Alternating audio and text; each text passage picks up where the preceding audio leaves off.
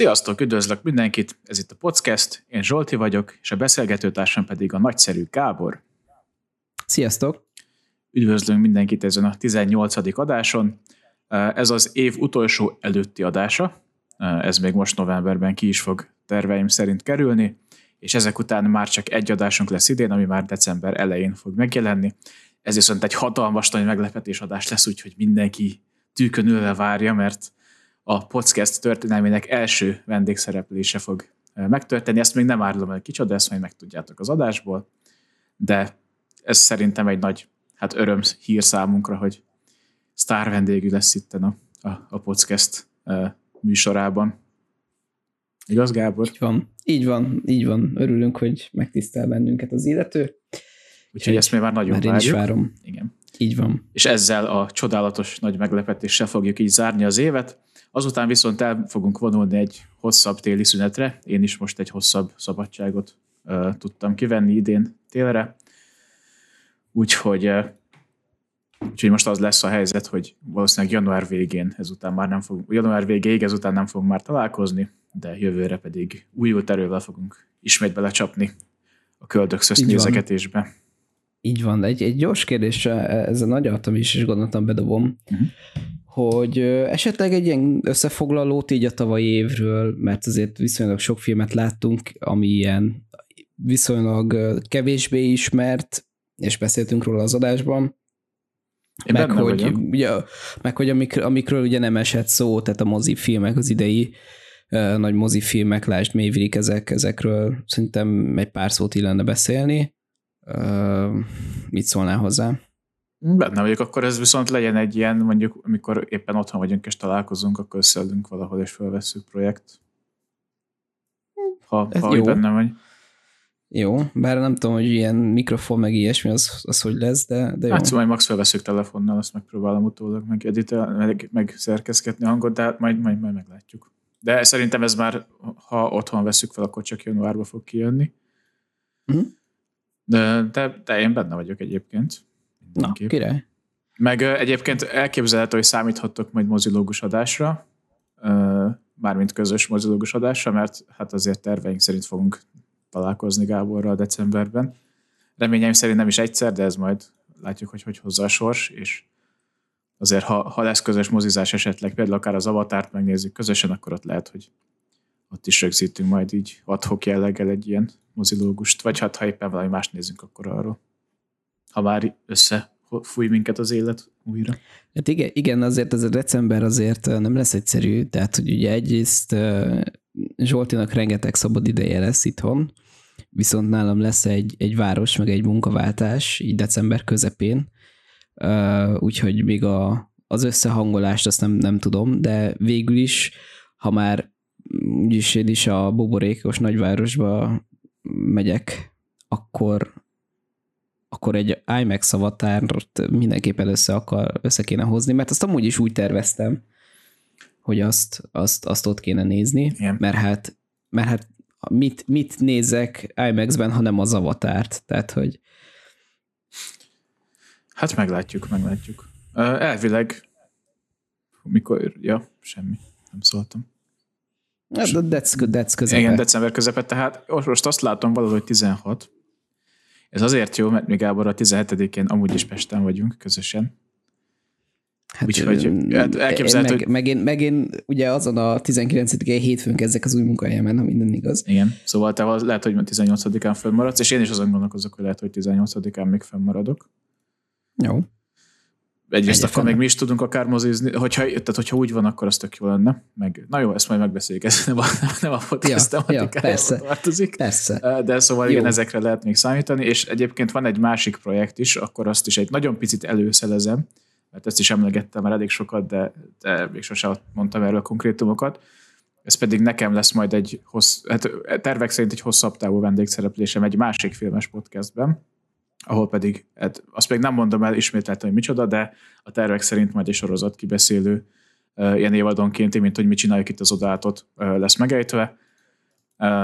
Ez, hát elvileg már tervek szerint elindult volna novemberben, de aztán mindenféle magánügyi és egyéb dolgok miatt úgy döntöttünk, hogy akkor ezt valószínűleg januárra fogjuk most már halasztani, de ha minden igaz, akkor jövőre egy ilyenre is majd lehet számítani. Nyilván erről majd, ha én is tudok közelebb infokat, és kapok zöld utat, hogy megoszthatom, akkor majd megosztjuk veletek. De csak, hogy úgy tudjátok, hogy azért zajlanak itt háttérmunkálatok eléggé rendesen. De mert, hogy szerintem azért most elég sűrűn is veszünk föl, tehát csak a nem is tudom mennyi, az elmúlt két hónapban kijött már három adás kb. És most is így egy hónapon belül ki fog jönni kettő, úgyhogy azért most nem szűkölködünk adásokban szerintem. Bezony. És ha már, ha már itt még előbeszélgetésben vagyunk, miért a tájfilmek? Na igen, ezt ugye nem is említettük, hogy a tájföldi filmek kerülnek most terítékre. Hát egyrészt azért, mert rég volt már ázsiai film a, a terítéken, és hát ugye a legutóbb még valami európai, talán a spanyol, vagy igen, a spanyol filmes adás volt legutóbb, ami európai, Úgyhogy most visszatérünk ez az egy európai, egy ázsiai tematikához egy kicsit. És hát én azért gondoltam a tájföldi filmekre, mert ugye az még nem volt, mert egyébként én nagyon szívesen csináltam egy második maláj filmes adást is, úgyhogy úgy döntöttünk, hogy akkor ne ismételjünk még, hanem akkor legyenek a tájföldi filmek. Más, másrészt pedig azért, mert én nekem azért moziban is volt szerencsém egy párat látni ezek közül, illetve így a személyesen is. És egy-kettő az azért így Gáborral közös, nagy, elég régi kötődésünk is van. Úgyhogy végül is ez így egy nagyon jó apropónak tűnt akkor, hogy, hogy akkor most ezt bedobjuk. És mit láttál ebben moziban? Mert azért itt nem tudom, hogy mi az, ami... Ugye nálunk ezeket nagyon nem adták moziban. Talán, talán a, a, a Prayer Before Down mintha lett volna, uh-huh. De, de én erről tudok. Tehát a, a Tony filmek, amiről lesz szó, azokat, azokat DVD-n, azok megjelentek nálunk, de, de ennyi. Tehát a, a Shutter sem egy, sem egy olyan nagyon ismert film itthon, de, de szinkron meg ilyesmi nagyon nincs hozzá, tehát hogy ez uh-huh. a, a médium meg abszolút abszolút egy olyan dolog, amit, amiről nem is hallottam még, tehát hogyha nincs ez az adás, akkor, akkor nem is látom, és uh, ilyen szempontból ez, ez egy hiánypótló dolog volt, hogy ezt, ezt én így láthattam, tehát ez egy, ez egy tök érdekes, ilyen kis maláj spirituális, nem is tudom. Tájföldi, uh, de igen. Vagy tájföldi, bocsi. Hát egy, egy, egy karika lényegében, de hogy igen, tehát egy ilyen kis, mi az tájföldi, spirituális kis kalandozás. Igen. Egy, egy részt, másrészt meg egy, egy nagyon, nagyon lassú atmoszférára épülő horror. Uh-huh. Nekem, ezt... nekem az igen, majd Mi? ezt akkor a filmbeszélnél szerintem részletezzük. Persze, persze. Uh, egyébként nekem a Conhartistot volt szerencsém moziban látni. Gábornak az Aha. egyetlen filmét, ami nem annyira nyerte a tetszését. És azt nagyon, utólag nagyon bánom, hogy a médiumot is adták moziban, és azt nem mentem el megnézni. Ezt így, így utólag látva ezt a filmet irgalmatlanul sajnálom, hogy ezt nem moziban láthattam. De hát ez, ez így alakult sajnos. Szerencsére itt Netflixen fönt van. Az otthon is elérhető Netflixen? Nem. Nem. Nem. Én, én semmit nem tudtam megnézni, uh-huh. se, se Netflixen, se HBO Max-en. Jó, mondjuk ott mintha lenne bármi is, meg se a Disney Plus-on. Tehát, Aha. hogy egyiken sem. Hát szomorú. Aki esetleg aki esetleg VPN-t használ, annak Netflixről tudom ajánlani a Prayer Before Dawn-t, a Mediumot és a Conhartistot is, ez mind a három film fönt van. És egyébként, hogyha a tájföldi Netflixre VPN-eztek, akkor ott azt hiszem, hogy még a Shutter meg a Pimek is fönt vannak. Talán a Tony, Tony Jell filmek is, de ebben nem vagyok biztos. Uh, ott, ott több én nem, nem VPN-ezek, úgyhogy én ami itt Szingapurban elérhető, én azt, azokat néztem meg. De ja, és egyébként, ha már itt tartunk, vagyis kihagytuk még a, az adás elejé egyébként szokásos bejelentéseinket, akkor azt gyorsan megejtem, és utána én viszont egy kisebb tangensbe mennék, mert a filmek belekezdünk, és én volt szerencsém már bankokban eltölteni egy kisebb nyaralást, és azért itt voltak egyrészt mozi élmény is, ami szerintem egy filmes podcastben az, az kár lenne kihagyni, másrészt pedig hát egyéb érdekes élmények is voltak. Úgyhogy ezekről majd mindjárt mesek egy picit, de még akkor ezelőtt ugye az elérhetőségeink. Egyrészt YouTube-on elérhetővé vált ez a handle funkció, ami azt jelenti, hogy most már sokkal egyszerűbben is ránk találtok. Ez a youtube.com per et, vagyis a kukacjel, tudós pocakai kezetek nélkül. Ezek fel, mellett, hogy YouTube mellett elérhetőek vagyunk még Spotify-on, Apple Podcast-en, Anchor FM-en, Google Podcast-en, és az adást MP3 link letöltő formájában megtaláltok a leírásban.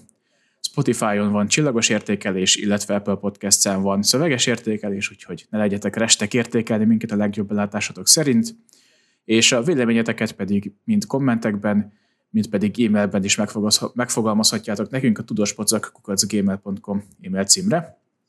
Aki esetleg csak Spotify és más podcast platformokon hallgat minket, annak a YouTube csatornánkat azért ajánlom figyelmébe, ugyanis oda extra tartalmakat is szoktunk feltölteni, többek között az úgynevezett előételre keresztelt kis előbeszélgetés, párba kiparád és adásunkat, ahova hát már a mai adással is sikerült betermelnünk legalább egy, legalább egy kis jelenetet. Illetve van egy Facebook csoportunk is, ahol követhettek minket, ez nem más, mint a facebook.com per tudós pocak. Továbbá a személyes Twitter profiljainkat is követhetitek, ez pedig nem más, mint az et skodi alulvonás mester, nagy s és nagy m és az et Zsolt BBB, három dollár B betűvel a végén. Emellett pedig, hát én elkezdtem újra streamelgetni, úgy néha, a twitch.tv per bütyök kapitány alulvonás csatornán. Ez igazából nem ilyen, én most akkor streamer gyerek lettem, szintű dolog, hanem így de hát mindegy, történtek dolgok, és, és ez egy, nekem most egy ilyen kikapcsolás, agykikapcsolás, érzelmi kikapcsolás és, és időtöltés, amiben egyébként Gábor is elég sűrűn részt szokott venni, és itt nem csak játszani szoktunk, hanem videókat is szoktunk közösen nézni, úgyhogy ebből akár még az is lehet, hogy YouTube-ra is, a Tudós Pocok csatornára is fogunk egy kisebb sorozatot indítani, úgyhogy ott is követhettek most már minket élőben is néha napján. Gábor, valamit kihagytam? Mond, mond csak el, hogy valójában azért indítottál Twitch csatornát, hogy idegeneknek cukrokat osztogathassá, tehát valójában ez a, ez a szuper titok itt a ez Twitch karrier mögött, hogy Zsolti szeretne cukrokat osztogatni. Így van, illetve a cukorkákból kiválthattok egy úgynevezett palackposta nevű perket is, ami azt jelenti, hogy egy képeslapot kaphattok tőle minden a távoli Ázsiából, úgyhogy hát én, én, ezért, én azért követném magam. Twitch-en. Na jó. Ez itt a reklám helye. Igen, Igen, így van. Gábor, valami még esetleg?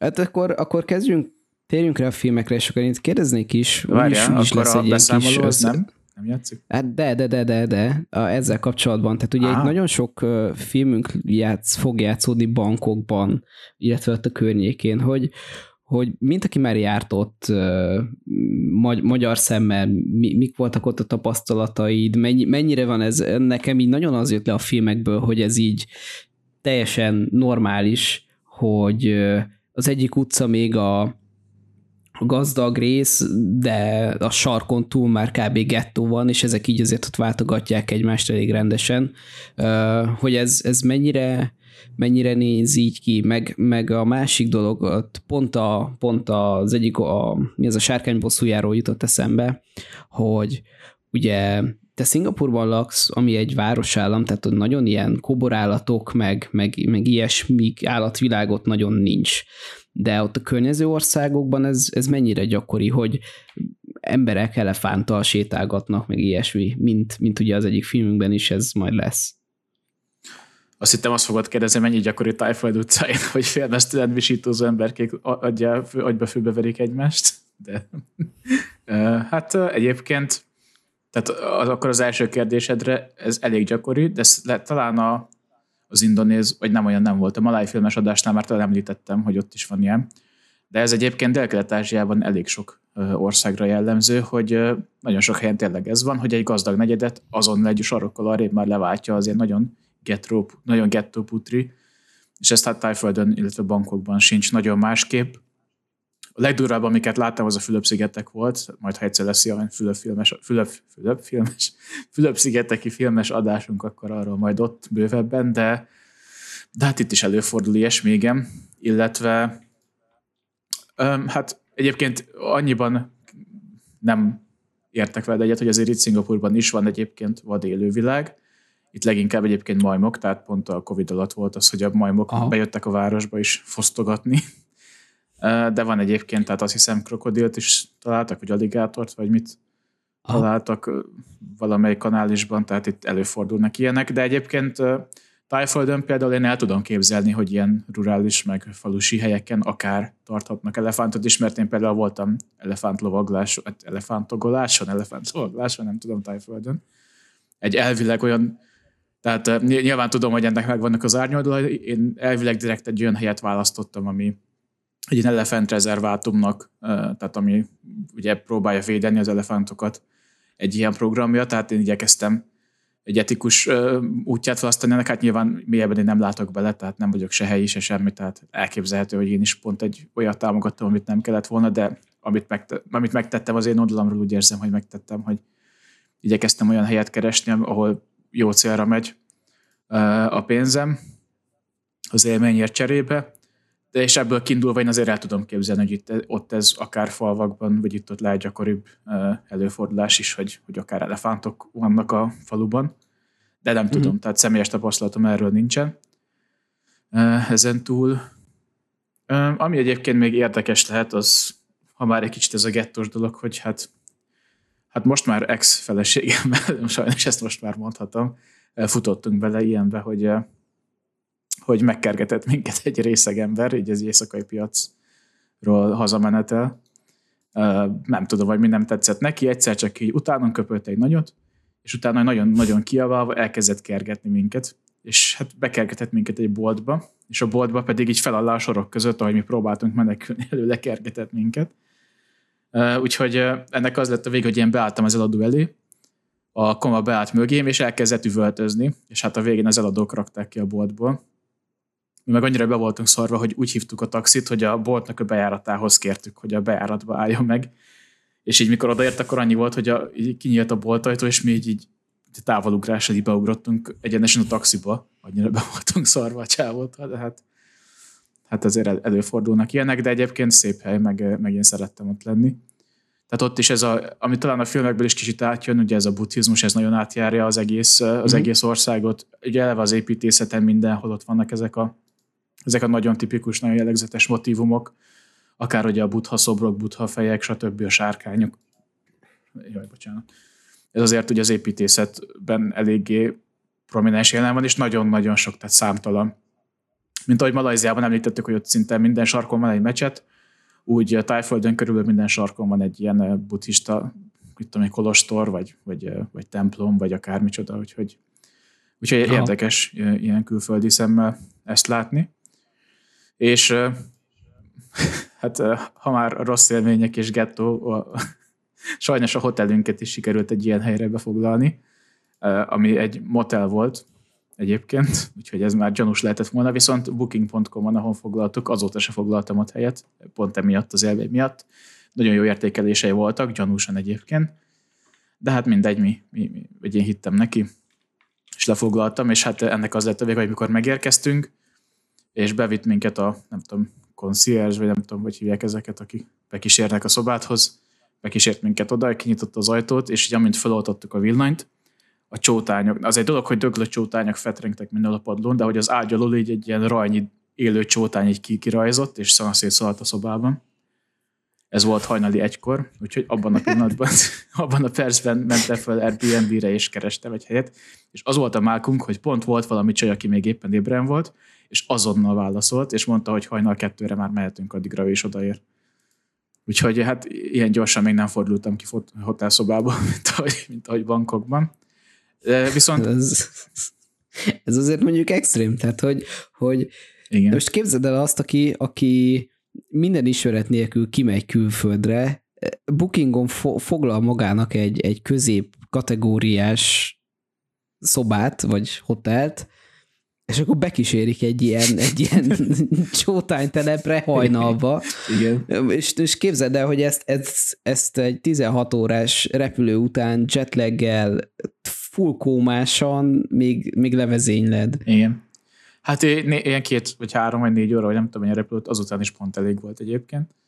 De egyébként ennek, hogy jót is mondjak, az Airbnb viszont, ahova kerültünk, az pedig ugyanazért az árért, amire a csótánylepte szaros hotelszoba volt, az meg egy ilyen királyi lakosztály volt, tehát egy ilyen, ez a kondominium, nem tudom, ez otthon nem annyira elterjedt, hogy ezt így hívják, de itt Ázsiában a, általában a privát ingatlanokat, amik sokkal drágábbak és eléggé puccosak, ezeket hívják ugye ilyen kondominiumnak, és Hát az tényleg egy ilyen királyi lakosztály volt. Járt a, a lakáshoz, már nem benne, hanem úgy a, a kerület, vagy ott a bérház tömbhöz volt saját konditerem, volt medence, úszómedence, nagyon tisztán, nagyon gyönyörűen tartva, külön biztonsági őr volt, ugye egy ilyen külön kapus, ilyen becsippantós bejárati ajtó volt, hogy a, a területére a, a, a bérháznak ott voltak külön boltok a bérház belsejében, úgyhogy az, az egy nagyon pozitív élmény volt utána, csak hát előtte volt ez a, ez a csótányos kultúrsok, ahol egyébként a, a recepciós ilyen idős úriember, az pedig konkrétan az utópiából a lajhár volt, tehát az a jelenet az így megelevenedett előttünk.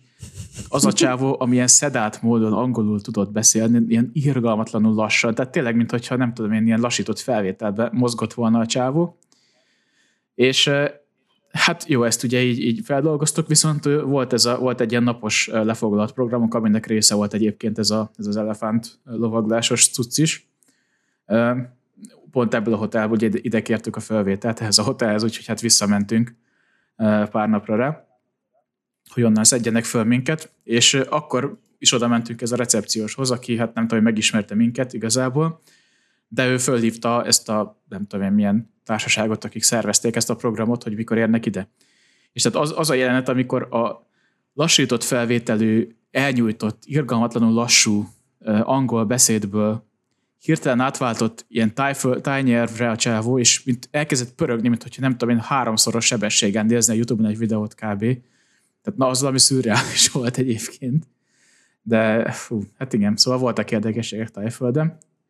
És emellett egyébként, a, akkor már csak röviden a mozis élményemről is beszélnék. A Hellboy-t néztük itt egyébként, az új Hellboy-t. Egy átlag jegyár, amikor mi voltunk ott 19-ben, hát gondolom azóta följebb ment, az akkor 120 uh, baht volt, ami ilyen 1200 forintnak felelt meg nagyjából. A mozikkal egyébként nem volt különösebb gond, tehát kényelmesek voltak, modern volt, maga a vásárlás okozott némi bosszúságot, ugyanis hát ugye Hellboyhoz volt egy ilyen külön gyűjtői kiadásos popcorn csomag figurával minden, és hát én ezt meg akartam venni. Azonban úgy működött valahogy a dolog, hogy te ezt kifizetted a pénztárnál, de nem ott kaptál meg semmit, hanem utána föl kellett menned egy másik emeletre, ahol a popcornos pult volt, és ott tudtad átvenni. Ott viszont közölték, hogy ez a csomag már nincsen. És akkor én mondtam, hogy jó, hát akkor nem kérem a figurát, igazából kb. ugyanannyiba került, mint ha sima popcornos csomagot vettem, hogy mondom, akkor csak adják itt a popcornt. Nem, nem, ez nem így működik. Ezt nekem el kell mennem egy másik irodába, ami két emelettel lejjebb volt, oda el kellett mennem, és ott töröltetnem kellett a, a rendelést, és vissza kellett, hogy. Itt aztán minden jámkinyát elvettek tőlünk, tehát a személyi útlevelet, bankkártyát, mindent elvettek, ugye amivel fizettem, hogy véletlenül is legyen adócsalás, tehát a körülbelül anyámnak a lánykori nevét is felírták, hogy biztos, hogy adót csaljak, vagy nem tudom, a mit tudom én, 2000 forintos popcorn csomaggal körülbelül. És hát de, ez De te ezzel mit tudnál adót csalni? Ezt nem is értem, ezt a koncepciót. Nem, mindegy, ez nem értek ehhez egyébként. Dolog. Szóval, de, de itt, na, itt, itt azért már kicsit föl voltunk, föl voltunk dúlva, de a vége az az lett, hogy, hogy, hogy így hát éppen elkezdtünk a, a reklámrakkokról, úgyhogy nagyon jó volt. Egy ilyen körülbelül 15, sőt nem is csak a reklámrakkot, nem azt hiszem, hogy 15-20 percet lekéstünk konkrétan a film legelejében emiatt, az egész mizéria miatt. Úgyhogy hát ez eléggé, eléggé mér, mér, mér, mérgesítő volt. És ezután jött a, a legszürreálisabb dolog az egészben.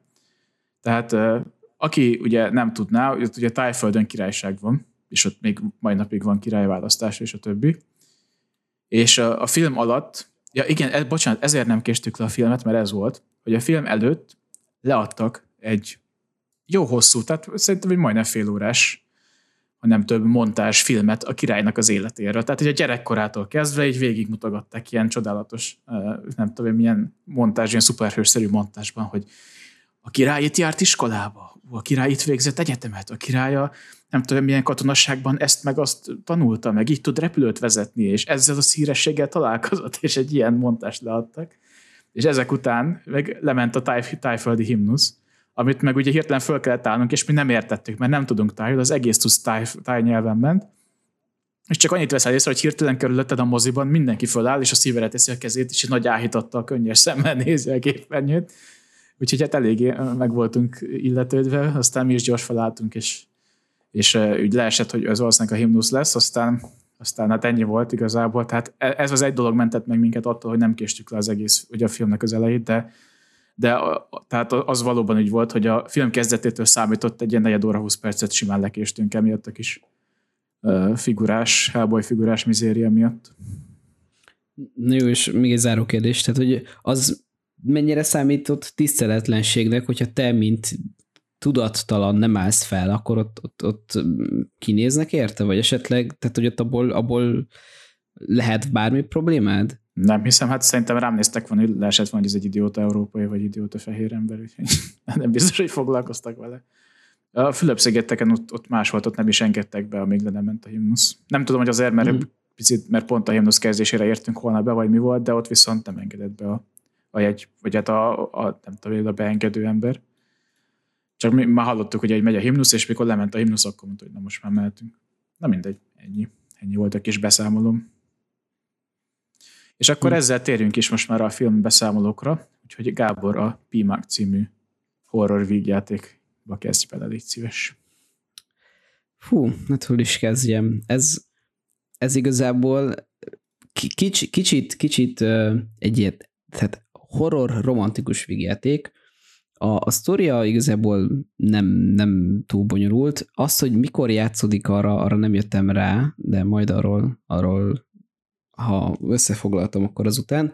A sztori igazából arról szól, hogy igazából öt katona ott túlél egy háborút valahol ott tájföldön, és, és haza, haza kerülnek a, a háborúból. Ugye az egyikük akit Máknak hívnak, aki alapvetően Mark, csak ott senki nem tudja kimondani a nevét, és ez egy ilyen kicsit ilyen visszatérő poén, hogy neki, neki azt hiszem amerikai volt az apukája, és hogy azért, azért Mark. Na mindegy, és akkor ő menti meg a, a csapatának egy részét, és lényegében miatta tudnak hazamenni.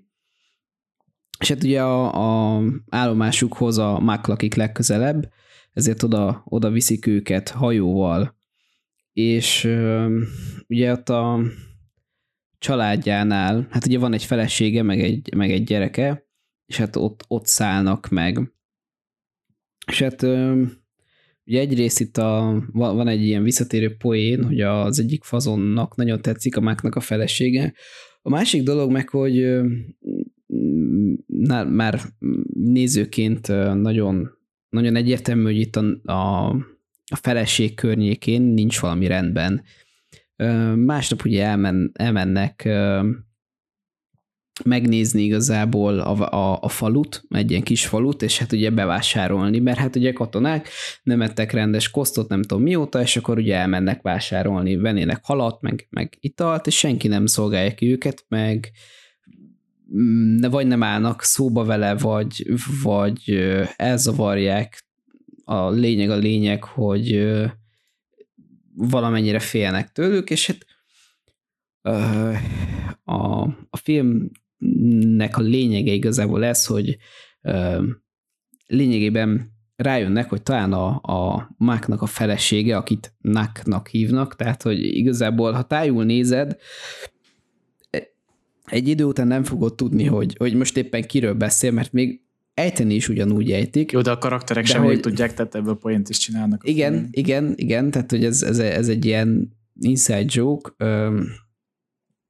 és hát igazából itt e, e felől megy a dolog, hogy most a, a, a nák, tehát hogy a, a feleség az a szelleme vagy nem, mert így vannak rá utaló jelek, és egyre furcsább dolgok történnek ott a környéken, és hát a, a, a férnek a, hát katonatársai ezt próbálják kideríteni, és igazából ez, ez a film. Most a csavart én nem lőném le, tehát hogy mindenki nézze meg.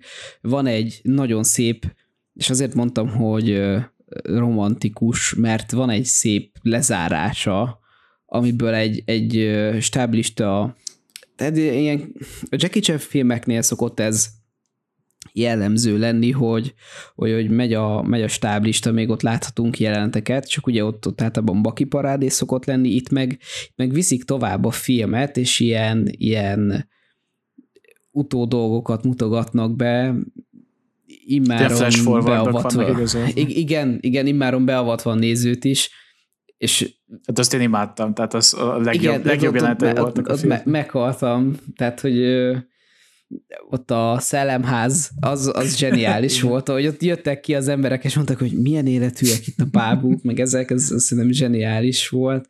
Um, egy, egy tényleg tök oké okay, uh, kis film, még nyugati szemmel is, tehát hogy uh, talán a hú, nem is tudom, tehát ter volt, az volt egy fazon, akinek nagyon fura haja volt. Ezt, ha megnézitek ezt a filmet, akkor egyből fogjátok tudni, mert van egy csávó, aki úgy képzeljétek el, hogy így egy ilyen egy-egy centi sába van haja középen, e, ami el van választva, és alá van nyírva teljesen, és ilyen, olyan, mint hogyha egy ilyen ilyen gyerek madár lenne a fején. Tudom, hogy a gyerekek rajzolnak ilyen M, betű madarat, na az van a fején hajból, és alatta meg, meg ilyen kb. 3 millis a feje, és, és nem tudod nem, nem azt nézni. Én egy idő után már nem is figyeltem, hogy miről beszélnek, hanem azt néztem, hogy külön életet él a csávó haja, és, és ő egy, egy ilyen tipikus, ez a keleti sutyó, fazon, amit, amit minden, minden ázsiai filmbe beleraknak. A, a maszk munka, meg ezek a kis effektek szerintem tök, jó, tök jók voltak. Ami engem nagyon zavart, hogy mindenkinek vagy, vagy szét volt rohadva a foga, vagy, vagy ilyen fekete fogvédő volt rajtuk, amit nem értettem, hogy miért, meg, meg te be tudtad lőni, hogy ez mikor játszódik? Mert hogy Hát Ugye, szerintem valamelyik világháború tized... lehet, de nem tudom mi. De, de, ne, de itt ilyen, ilyeneket, ilyeneket mondtak, hogy, hogy pókember, meg, meg nem is tudom, még valami színészre utaltak. Hát az Rocky eredetiben igen, volt. Rocky volt, igen, meg ilyenek. Hát nem tudom. És, és hogy de hogy a, az első montázsnál, amikor ott kirohantak a csatába, ott, ott meg az volt a fura, hogy ugye karddal rohangáltak, és ez, ez, ez volt talán az elején az ilyen legnagyobb hülyeség, amit, ami így letisztázza a filmet, hogy hova tedd.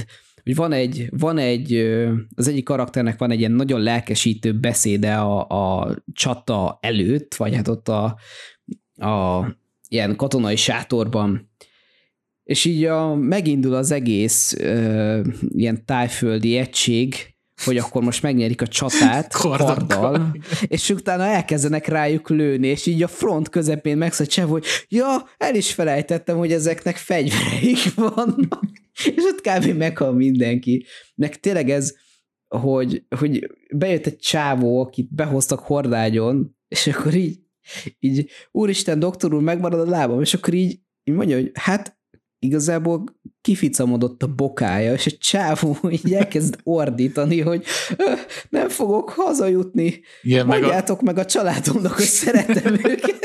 Igen, meg amikor így mondja a nagy izé, bátorító beszédet a csávó, a, a kakadúfejű csávó, aki egyébként a, nem a tak, vagy mi a fene volt, hanem tik, vagy kicsoda, hanem a, a, a puak volt ő, aki szerepel egy, ma más, Igen. Ma, már egy másik filmben is a következőben. Ő a, hát a tesó, Aha. vagy a haver, a szem. Aha. Na mindegy, szóval ő, és akkor ő mondja nagy beszélt, és akkor itt tudom én, hogy már semmi nincsen, de még megvan a kezünk és a kardunk, és én az egyik csávó, akinek le van vágva a kez, hogy hé, jó, akkor, akkor, de a kardunk még megvan. Jó, basszus. Jaj. Egyébként a fogrohadásra annyit, hogy ez uh, triviából olvasom, tehát nem, nem én jöttem elő ezzel a csodálatos tudással. Viszont hát nyilván írják, hogy nagy valószínűséggel magába a filmbe ez a, csak a, hát az, a hülyeségfaktor miatt volt belerakva. Viszont egyébként a Ázsiában és a táj, tájoknál is egyébként ez egy bevett szokás volt, hogy ilyen mindenféle, most nem tudom milyen anyagokat pontosan, mindjárt megpróbálom megkeresni, hát nem nagyon írják, annyit írnak, hogy ilyen mindenféle feketítő anyagokat tettek a fogukra. Ezt hiszó vagy hisónak hívták, és ez igazából elvileg azért csinálták, hogy a hiedelmek szerint, vagy lehet, hogy az anyagok, amiket rágtak a fogaikra, hogy ez, ezzel megelőzték a fogrohadást többek között, és hogy ezért például a mai napig nagyon sok, pláne idősebb táj, meg falusiabb, ilyen rurális érje, na, tehát az, amikor az angol kerik a magyar, tehát ilyen rurális vidékeken élő idősebb tájföldiek még akár a mai napig is csinálhatják. Illetve, hogy van egy ilyen Beetle Nut, vagy nem tudom, milyen nevezetű cucc, vagy a, a, a, a, a, nem tudom, hogy ez micsoda magyarul, tök mindegy, de hogy van valamilyen cucc, ilyen növény, amit hogyha ráksz, akkor elvileg az is tud ilyen fogrohadás, vagy ilyen fogelfeketedést okozni. Tehát, hogy elvileg ez Aha. egy létező dolog, csak valószínűleg a filmben úgy egyébként a poén miatt volt benne. Ennyi. Aha. És, és amúgy tényleg ennyi a film, nekem, nekem tökre bejöttek ezek az ilyen gagyi horror klisé poénok, amiket így, tehát ugye ez a ez korábban is volt, de ez a keleten ez, ez egy teljesen elfogadott dolog, hogy úgy tudod megnézni a szellemet, hogyha átnézel a lábadon, akkor a lábad Igen, közt, akkor, akkor, akkor ugye látod a valódi alakját. És ezt is félrejött a csávó, és nem a saját lábak közt néz, nézel, hanem a csajnak a, a, lábai közt. A, igen, tehát hogy megpróbál átnézni a csaj lábai közt, és így rájön, hogy nem történt semmi, meg ott a, a csónakban is volt erre hát egy a csónakos azon meghaltam, amikor már ott már senkiről nem tudták, hogy ki, hogy ki a szellem, vagy ki nem a szellem, és így dobáltak embereket vízbe, meg nem tudom. És akkor így Igen. mondod, hogy hajol jobbra, és így, de most akkor ezért jobbra, vagy te jobbra, vagy, vagy merre hajoljak, és akkor elkezdett énekelni a csávó. Neki elkezd rá táncolni, de most, de most miért táncolsz, meg miért énekelsz? Úristen, meghaltam a csónakos jeleneten. Jó. Ja. Hát meg volt benne egy ilyen activity, na ez is ez, hogy activitiestek. Igen. Ö, és akkor ott... Ö... Abból is milyen jó poén volt már a stáblista után jelenetben. Igen, igen.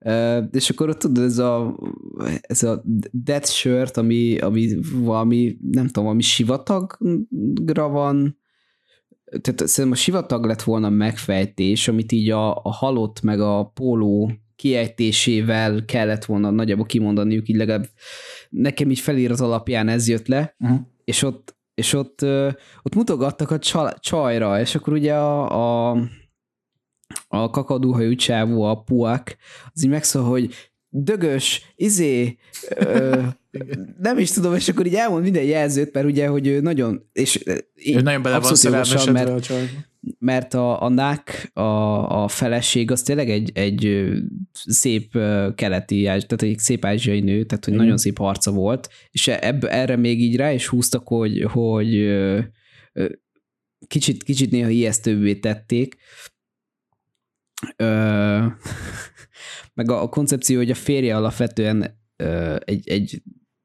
olyan, olyan ember, aki fél a szellemektől. Igen. és, ez és, és gy- gyaníthatóan a felesége meg, meg szellem, vagy nem. Tehát, hogy Igen, és így, jaj, Szent János bogarak vannak a házunkban, azok nem Szent János bogarak, azok nem tudom, milyen lelkek, és elkezd visítozni a csávót, hogy rossz kislány. Igen. Úgyhogy tényleg ezt, ezt abszolút tudom ajánlani, mert ebben nagyon sok a, az ilyen egyszerű slapstick humor. Tehát ott konkrétan, amikor visszaértek a, a városba, akkor, akkor a süsű jutott eszembe, hogy ott az mindenki, tudod, amikor ment, ment, ment be a süsű a, a kis bábvárosba, akkor ott mindenki becsukta az ablakokat, meg minden, meg a, a, a kútban lévő hajd is így elbújt a víz alá, nagyjából ez, ez benne van itt is. És hogy tehát a, a humora az tényleg ilyen Tom és Jerry is ö, cucc, meg vannak benne visszaemlékezések, ami szintén poénforrás. Ö, egy, és akkor elviekben ugye ez a, a, a sztori, meg, meg talán egy ilyen táj, ö, ilyen nép, néplegendán alapul, uh-huh. ö, meg, meg tényleg ezek a, ez a keleti horror kliséket mutatja, lásd ugye a csaj, tehát hogy ugye mindig ilyen, ilyen ké, ez a kékes, nem is tudom melyik filmem volt, ahol szintén ilyen szellemeket mutattak, hogy ilyen ké, kékes nagy szemekkel jön a feléd a csaj, tehát hogy ez, ez talán a Shatterben is hát volt. a Shatter is volt, a, a, a, a kör is hasonlókkal Igen, játszik, az, ott az a mandával, az átok is, tehát szerintem tényleg az átokszerű ábrázolás az, az megjelent itt is. Igen. Picit hosszú amúgy, tehát hogy Szerintem nincs benne ennyi, tehát ez egy, ez egy másfél órával sokkal jobban működött volna, mint ez az 1.55-tel, tehát hogy egy pár, pár helyen lehetett volna belőle vágni, uh-huh. de amúgy egy, egy teljesen jó horror vígjáték, és a, a működő, mondjuk jó, nem, nem, egy, nem egy gonosz halott kettő, de egy működő horror vígjáték. Tehát, hogy én, én a, a végén, végén sírva röhögtem. Tehát a stáblista résznél már, már olyan szinten kész, hogy sír, sírva röhögsz. Igen. Úgyhogy az, az olyan. Egyébként tudok most már azt a kérdésed, hogy ez mikor játszódik, uh, meg hogy, uh, hogy, tehát, hogy elvileg, ugye azt is helyesen mondtad, hogy ez egy uh, valami sportautó elsohant, úgyhogy ez majd a felvételben hallatszódni fog. Szóval, hogy ez egy régi, azt talán a legrégebbi, illetve a leghíresebb táj ilyen szellemlegendán alapul, a Maenak Frakanung, vagy micsoda, most jól ejtettem ki biztos. És van egy, egy 1999-es tájfilm, a Nank Nak, aminek a, ugye ez a története, hogy van a Mak nevű katona, aki a, hát nem tudom, ez magyarul hogy hívnák, az a Siami vietnámi, vagy Siamese, vagy vietnamese háborúban, most ezt nem tudom magyarul, hogy, hogy kell mondani, de szóval ez 1831 és 34 között volt ez a háború, és hogy ebbe a háborúba megy el a Mak, aki megsebesül, és ugye a terhes feleségét Nakot pedig hátrahagyja. És hogy igazából ennek a nem végjátékosított, hanem a tényleges horror változata ez a, ez a Nangnak, a 99-es film, és ez a 2013-as P-Mag pedig a, a végjáték változata. Ennyi. Nézzétek meg, nagyon jó film. De megnézzék Aha. az emberek a következő filmet, erre fogok hát inkább én választodni, mint te, ami nem más, mint a The Con Artist. És ezt a film, ez a film az, amit én nekem volt szerencsém még annak idején moziban megnézni. És ez egyébként egy ilyen, hát szerintem tök jó, majd Gábor ebben vitatkozni fog. Ez egy ilyen kis romkom, keverve egy, hát egy ilyen heist film igaz, elemekkel igazából. Így az alapsztori az annyi, hogy van egy banki, hát egy ilyen bankár, vagy nem tudom, minek hívják ezt. Tehát igen, bank, bank igen. teller, ugye az angol, nem tudom magyarul, ez talán a bankár, egy ilyen csajszi, aki hát kap egy hívást, mert ugye, tehát ugye látjuk, hogy anyagi gondokkal küzdköd, meg ilyen, ilyen kis bugyutak, kis TikTok-szerű, YouTube, nem tudom milyen videókat csinál, és kap egy hívást, hogy most a élete lehetősége lesz, és csak ennyi meg annyi tájbatot kell befizetni ahhoz, hogy a milliárdos legyen körülbelül, tehát ezek a tipikus ilyen scam hívások, és hát már majdnem bele is megy, tehát itt, nekem itt jött a film legelején már egy nagyon tetsző csavar, amikor ugye azt várod, hogy bele fog menni ebbe, mert már ott van a bankautomatánál, már ugye írja be az adatokat, és már majdnem nyomna rá a, az utalás gombra, amikor is meglátja, hogy ez a számla ez egy magánszemélyhez tartozik, nem pedig a, ahhoz a nem tudom milyen céghez, akinek kiadta magát éppen a, a scammer csávó. És itt ugye fölcseszi magát, bemegy, és az egyik kolléganőjével föl, fölkutattatja ezt a bankszámlát, és ugye ezen keresén tranzakciókat, és ebből hirtelen lenyomozzák, hogy, hogy ki ez a csávó, és akkor be is szólnak egy a telefon, hogy hát úgy néz ki a szemöldököd, mint hogy nem tudom, ilyen szőrös hernyó, vagy nem tudom. És hát ugye itt nekem ez volt az első csavar, ami nagyon tetszett a filmben, hogy nem esett úgymond bele ebbe a, ebbe a csapdába. Viszont ugye fölkínál ennek a, ennek a csalócsávónak egy olyan lehetőséget, most bocsánat, ebben a filmben a nevekkel tényleg nem vagyok tisztában, tehát amikor moziban néztem, és de most sem tudtam követni, hogy kinek ki mi a neve, úgyhogy a csávó meg a csaj körülbelül így fogok rá, rájuk hivatkozni. Szóval... Jó, hát ez egy, ez egy, ez egy ázsiai film, de sajnos, sajnos ez ilyen. Igen, tehát, tehát azért a pilmáknál még egyszer volt, hogy Mark, meg Nak, meg Pak, meg Tik, meg ilyenek vagy Tin. Tehát hát az meg a Siennek volt a leg, legmegjegyezhetőbb neve, tehát őt tudtam hova tenni, igen. és ennyi. Szóval, de igen, ezt itt ne kérjétek rajtam számon. A lényeg az, hogy a, a scammer csávó, vagyis a csaló csávónak felajánl ez a bankárcsa egy olyan ajánlatot, hogy hát ő neki volt egy ilyen expasia, aki kicsalt tőle elég sok pénzt, és hogyha ezt a pénzt segít neki visszaszerezni, akkor nem jelenti fel a rendőrségen, és nem adja ki az adatait, meg nem tölti fel a hangfelvételt, amit csinált róla, hanem akkor kitörli. És úgymond így nem teszi tönkre az életét, és hát így akkor megegyeznek, és innen beindul a, hát a heist movie száll igazából. Ugye kiderül, hogy ez a csáó ez ilyen nagyon nagy pozícióban levő, ilyen sok, sok pénzhez hozzáférő valaki, aki egy ilyen, hát ilyen hotelhálózatnak tud ilyen üzleteket bonyolítani. Igazából nem hogy pontosan most milyen minőségben volt, valami nem tudom, milyen menedzser lehetett, aki hát úgy került nyilván oda, hogy egy ilyen idős, vagy idősebb, egy ilyen 50-es éveiben lehet levő körülbelül nőnek. Hát mindenféle szolgáltatásokat biztosított, tehát tette azt, hogy ők együtt vannak, és a többi. És hát így ezen megtette ilyen nagyon magas beosztású embernek ebben a hálózatban, és hát ugye itt a főső, főhősenkhez csatlakozik a, szinte nem tudom, hogy hívják, a szemüveges csávó, aki a piák volt a Pimákban, akinek akadóhajú, itt egy ilyen szemüveges komát játszik, aki hát ő, ő is egy nagy scammer, és a főszereplő csávonkkal együtt csináltak régen mindenféle nagy szkemmeket. Ő, ő a bátyja neki egyébként, ha jól emlékszem, vagy ők csak hát, egy nagyon régi haverok? Tehát test, testvért mondod, de hát én, ezért, én kik, de ugye azt, azt nem, nem derül ki, tehát ugye itt nem teszik hozzá, hogy ez most öcs vagy báty. Ugye az angol ilyen szempontból kicsit megengedőbb, hogy Na most nem feltétlenül a korkülönbségre gondolta, hanem inkább arra, hogy, hogy ők valóban rokonok-e, vagy csak úgy mondják egymásnak, hogy testvér. Ez számomra hát, talán nem volt annyira nem egyértelmű. Tudom, mert, de... mert, mert ott, ott volt valami börtönös sztori, ott volt arról valami bejátszás, hogy ott ültek a, a börtönben, és hogy vagy, vagy együtt ültek, és azért tesók, de mindegy, e- engem amúgy ez a csávó kikészített, tehát, hogy már a de csak a borítón megnézed, a, mindig ilyen hülye fejeket vágott, és Igen. nem tudom, engem, engem, engem kikészített. Mindig ez, nagyon a, kínosan ölelgette, még nagyon kínosan ölelgette a csávót. Ahogy a, a főszereplő csávót. Igen, az, az vicces volt. Számomra, számodra akkor kínos. Jó, és hát ezután még bevesztek még egy nőt a, a buliba, és akkor itt kitervelik a hatalmas nagy hajszot, amit én ne, nem lőnék le, mert én szerintem egyébként ez egy tök jó film, és nekem működtek mind a romkom elemek, mind pedig a heist movies elemek szerintem tök ötletesek voltak benne. És a film játszik is egy ilyen dupla csavarral igazából, hogy a, a végére kihoz valamit, amit úgy nagyjából el is tudsz hinni, hogy aha, igen, ez lesz belőle, és, és ezen a leges legvégén csavarnak még egy nagyot, és nekem ez, ez is nagyon tetszett.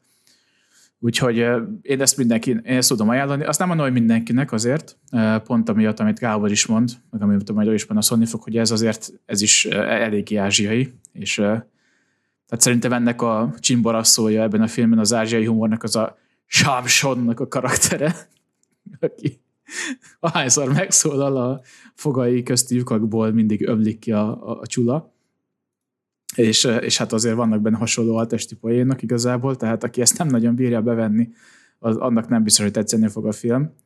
Um, és, és messze nem egy tökéletes film egyébként. Tehát azért annak ellenére, hogy, tehát, hogy ez is benne van, azért elég bugyuta is, így mond, az a szerelmi szál benne is. Azért, ha jobban belegondol az ember, akkor egy kicsit bugyuta, hogy igen, van ez a csávó, aki megpróbált kicsalni a pénzedből, de te mégis szerelembe esel, meg stb., de, de jó, hát nekem végül is működött igazából szerintem bájos volt a maga bugyuta módján, és nekem tényleg a, a heist movie rész az tök jól működött az egészben, hogy ezt kitalálták.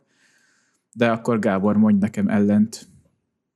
De, de, de nem azt mondom, hogy nem jó, tehát fél, itt fél, félreértés ne, ne essék.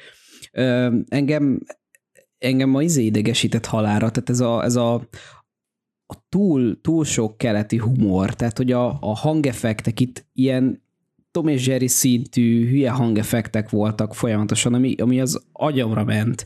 A, a főszereplő csaj, az tök szimpatikus volt. Tehát már az elején, hogy ott a, a nem, nem hagytam magát szkemmelni, és hogy határozott legyen, elváltoztatja a hangját a, a telefonba, hogy jól megmondja a fazonnak, hogy igazából hernyó alakú a szemöldököd, és tudom az összes adatodat.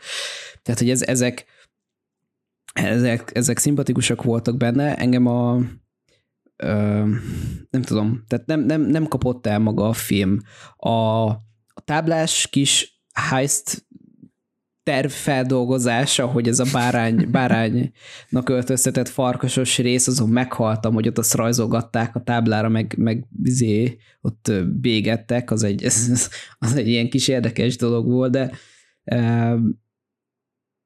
nem, nem tudom, tehát maga a cselekmény nem kötött le inkább. Uh-huh. hogy most nem, oké, okay, elvette, mert ugye a csajnak ez volt a legnagyobb problémája, hogy csomó ilyen hitele volt, és hogy azok, azokkal volt házassági kapcsolatban, tehát ugye ezt az elején el is mondja, hogy, hogy nagyon, nagyon spórol, végtelen sok pénzt a hitelei kiegyenlítésére költ el, és ugye neki kell a lóvé. Uh-huh. Tehát ugye innen indul ez az egész.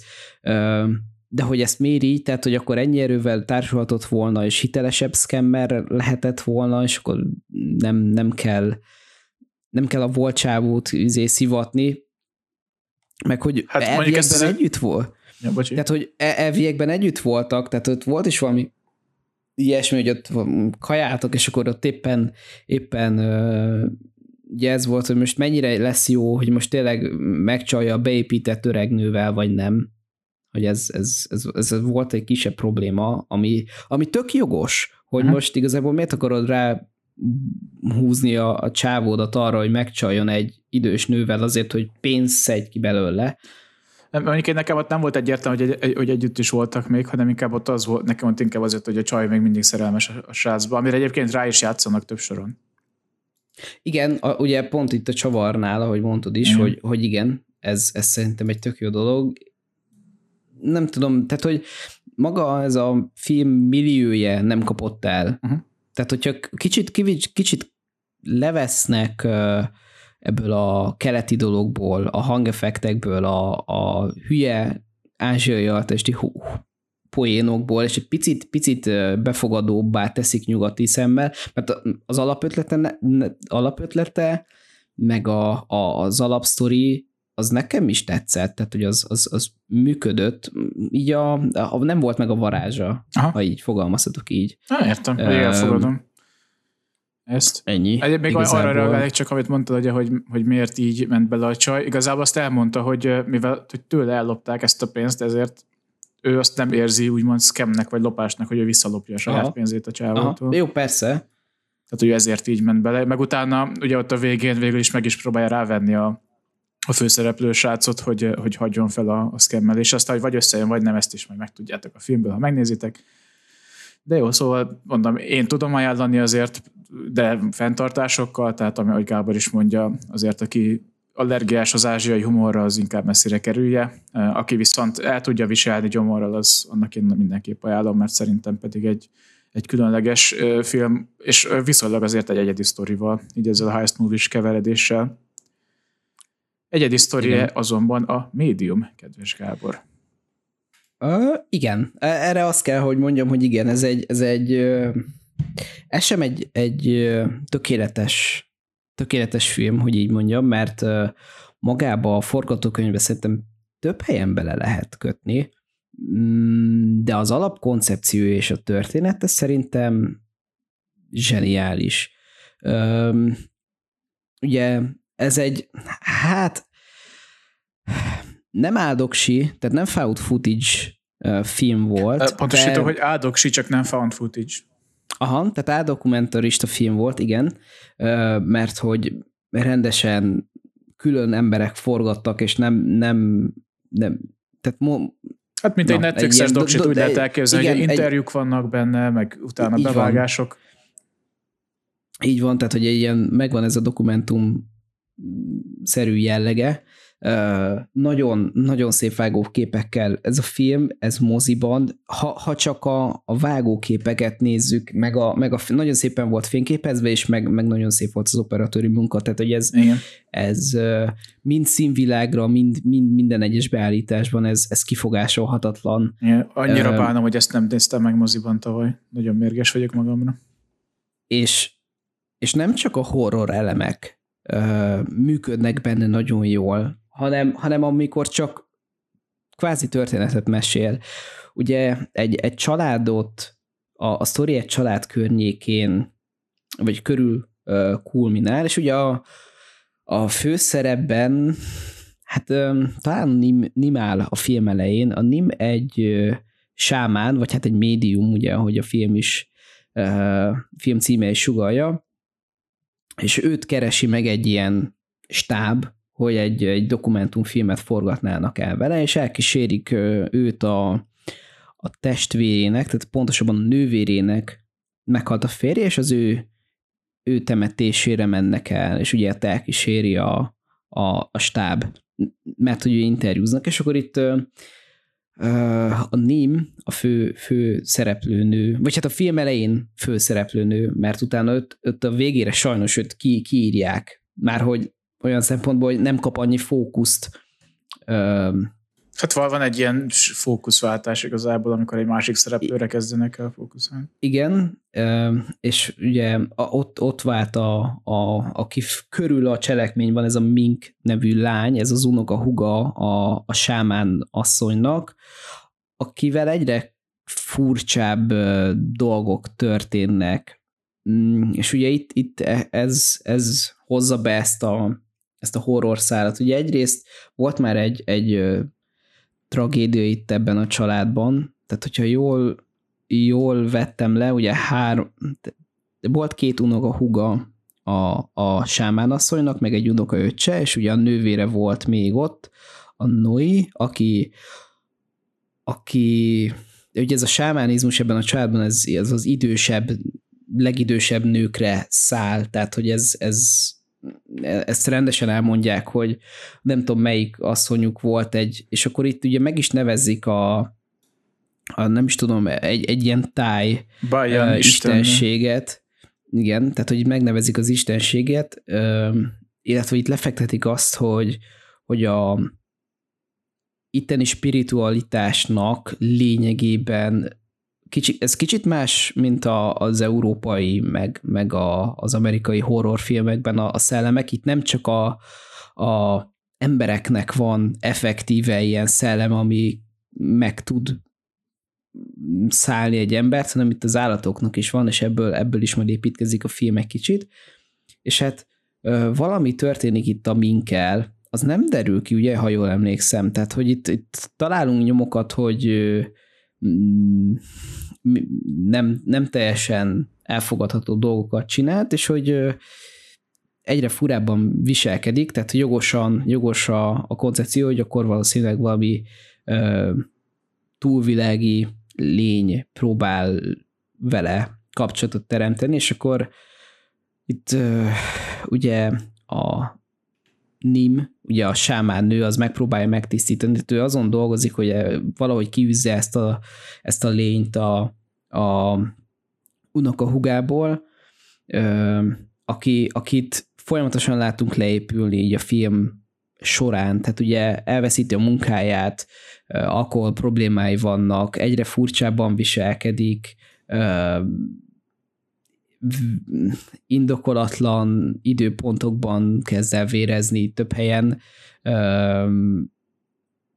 és, és a film, film egy pontján történik egy ilyen, ha jól értettem, és ebben kérlek erősíts meg, hogy elvitték egy ilyen, egy ilyen beavató szertartásra, ahol mivel volt benne valami valami szellem, vagy valami démon, ezért lényegében az történt, hogy ugye nem, nem, nem egy ilyen védő ima, ima hatása alá került, hanem egy ilyen átjáróházként használhatták a környező lények a testét. Nagyjából én így értettem, ugye így, így mondta a fazon, hogy igazából így ezzel a, a szerthatással ártottak, és lényegében most fogták, belerakták a kocsit, tehát ugye a, a minknek a testét, tehát az a húg testét egy autóhoz hasonlította, akibe belerakták a kulcsot, és hát ott hagyták az utcán, hogy bárki vezethesse, ha jól értettem, nagyjából ez volt, és ugye uh-huh.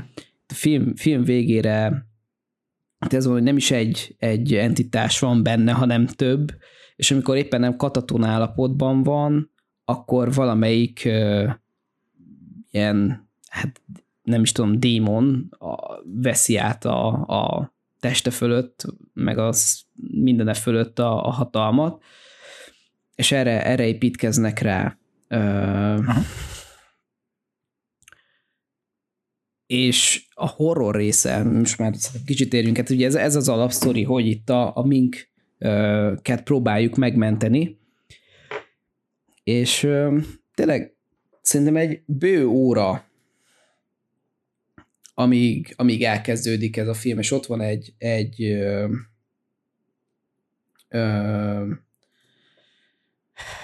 váltás. Tehát ugye a, amikor ténylegesen fény derül arra, hogy most milyen megszállás van, de nagyon lassan építkezik, nagyon hangulatos, és a vége pedig egy ilyen nagyon erős uh, horror. Tehát, hogy ott, ott uh-huh. nem, nem hagy már nyugodni a film. Nem tudom, nagyon, nagyon fura, a, ami, amik történnek. Tehát, hogy uh, Hát, a, hát az enyhe kifejezés, igen. Pláne ott a, van egy ilyen, hát ilyen montásszerűség, nem, nem, nem kimondott a montás, de hogy ugye ilyen napok össze vannak ott vágva, ilyen rövidebb idő alatt egy pár nap, amikor a végső hát nagy ugye ilyen... ez a szert, szertartás előtti öt nap. Én, én, én még ami, ami, amikor megtörik a film, és elkezd, elkezd nálad összeállni kép, hogy mi van, ugye az az els, azt, azt még gyors elmondom, az a, a biztonsági felvétel a munkahelyen. Igen. Ha arra emlékszel. Igen. A, ott, ott én elfordultam, tehát, hogy ugye, és ez a, ez a film egyik ilyen erős erőssége, hogy a, a főszereplő lány nagyon szimpatikus, és könnyen tudsz vele azonosulni, mert hogy elveszítette az édesapját, munkahelyi problémái vannak, egy ilyen családi tradíciót próbálnak ráhúzni ezzel a sámánsággal, egy kicsit ő úgy érzi, tehát, hogy tökre meg lehet érteni, hogy mi a problémája, és akkor még itt ez a, ez a démoni megszállásos rész, ez szerintem zseniális. És amit a végére ebből kihoznak, az... Hát az felkavaró szabályosan. Pláne, tehát tényleg Igen. ott, amiket látod, hogy Igen. miket csinál, amikor egyedül van hagyva. Igen. Amit egyébként nem értem, Igen. hogy ott miért hagyták egy mert... A, a, az, az nagyon fura volt. Hát talán ezért, mert ugye a, a sámánunk az ugye itt az van, hogy ugye kital- megbeszélnek egy ilyen fősámánnal, aki ott a környékén van, egy ilyen szertartást. És akkor van egy, van egy kisebb konfrontáció, és utána ugye ezt a végén derül ki, hogy a, a, a Nimnek volt egy ilyen belső vívódása, és szimplán elaludt, és nem kelt föl többet. Tehát ugye meghal a, a médium a film közepén, és előtte is már hiszem, hogy 20-30 percig nem volt rajta fókusz, amit, ami engem például nagyon zavart, hogy... Igen, nagyon hamar elvettük le, tehát olyan 20-30 perc, 20-30 percben már ugye mink volt a főszerepben, és a film két órás. Igen, igen. És, és nem, tehát ugye nem, nem róla kellett volna szólnia, tehát hogy neki csak egy, egy mellék szereplőnek kellett volna lenni, és utána kicsit, kicsit el is veszti a fonalat a film, nem is tudta mi akar lenni, utána meg felépít egy, a semmiből egy olyan végső katarzist, amire meg nem vagy felkészülve. Tehát, hogy én azt hittem, hogy itt, itt lesz egy, egy ördögűző-szerű keleti film, és ebből csinálnak egy ilyen teljesen mást. Tehát Igen. itt is van, egy, van egyfajta ördögűzés, ami nem úgy sül el, hogy te azt várod. És szerintem az a csavar, ami ott történt, az, azt nem látod jönni, és az, az, egy, az egy zseniális húzás volt. Onnantól kezdve tényleg hátborzongató volt a film, tehát hogy, és ahogy, ahogy te, te mondtad, jó, egy kicsit felkavaró, ami ott történik, és nem igen. is tudom, tehát hogy ezt... Szegény kiskutya. Ezt, ezt, Hát főleg, igen, ugye itt, ahogy meghal a ném, utána van egy ilyen öt nap montázs, mert hogy ugye a, a szertartásra készülnek ott többen, és ott, ott mutatják, hogy miket csinál, ugye a kiskutyával történik valami, ugye az unokaöcsét egyszer elrabolja, és kirohan vele a mezőre, akkor nem is tudom, befeküdt ott a csaj mellé. Aha, igen. És, és ilyen, tök fura volt ez az egész, akkor rámozdult a, a nagybátyjára, vagy hát a, a tesójának a férjére, ha lehet így fogalmazni, Hát az elég ilyen ördögűzős jelenet volt ott.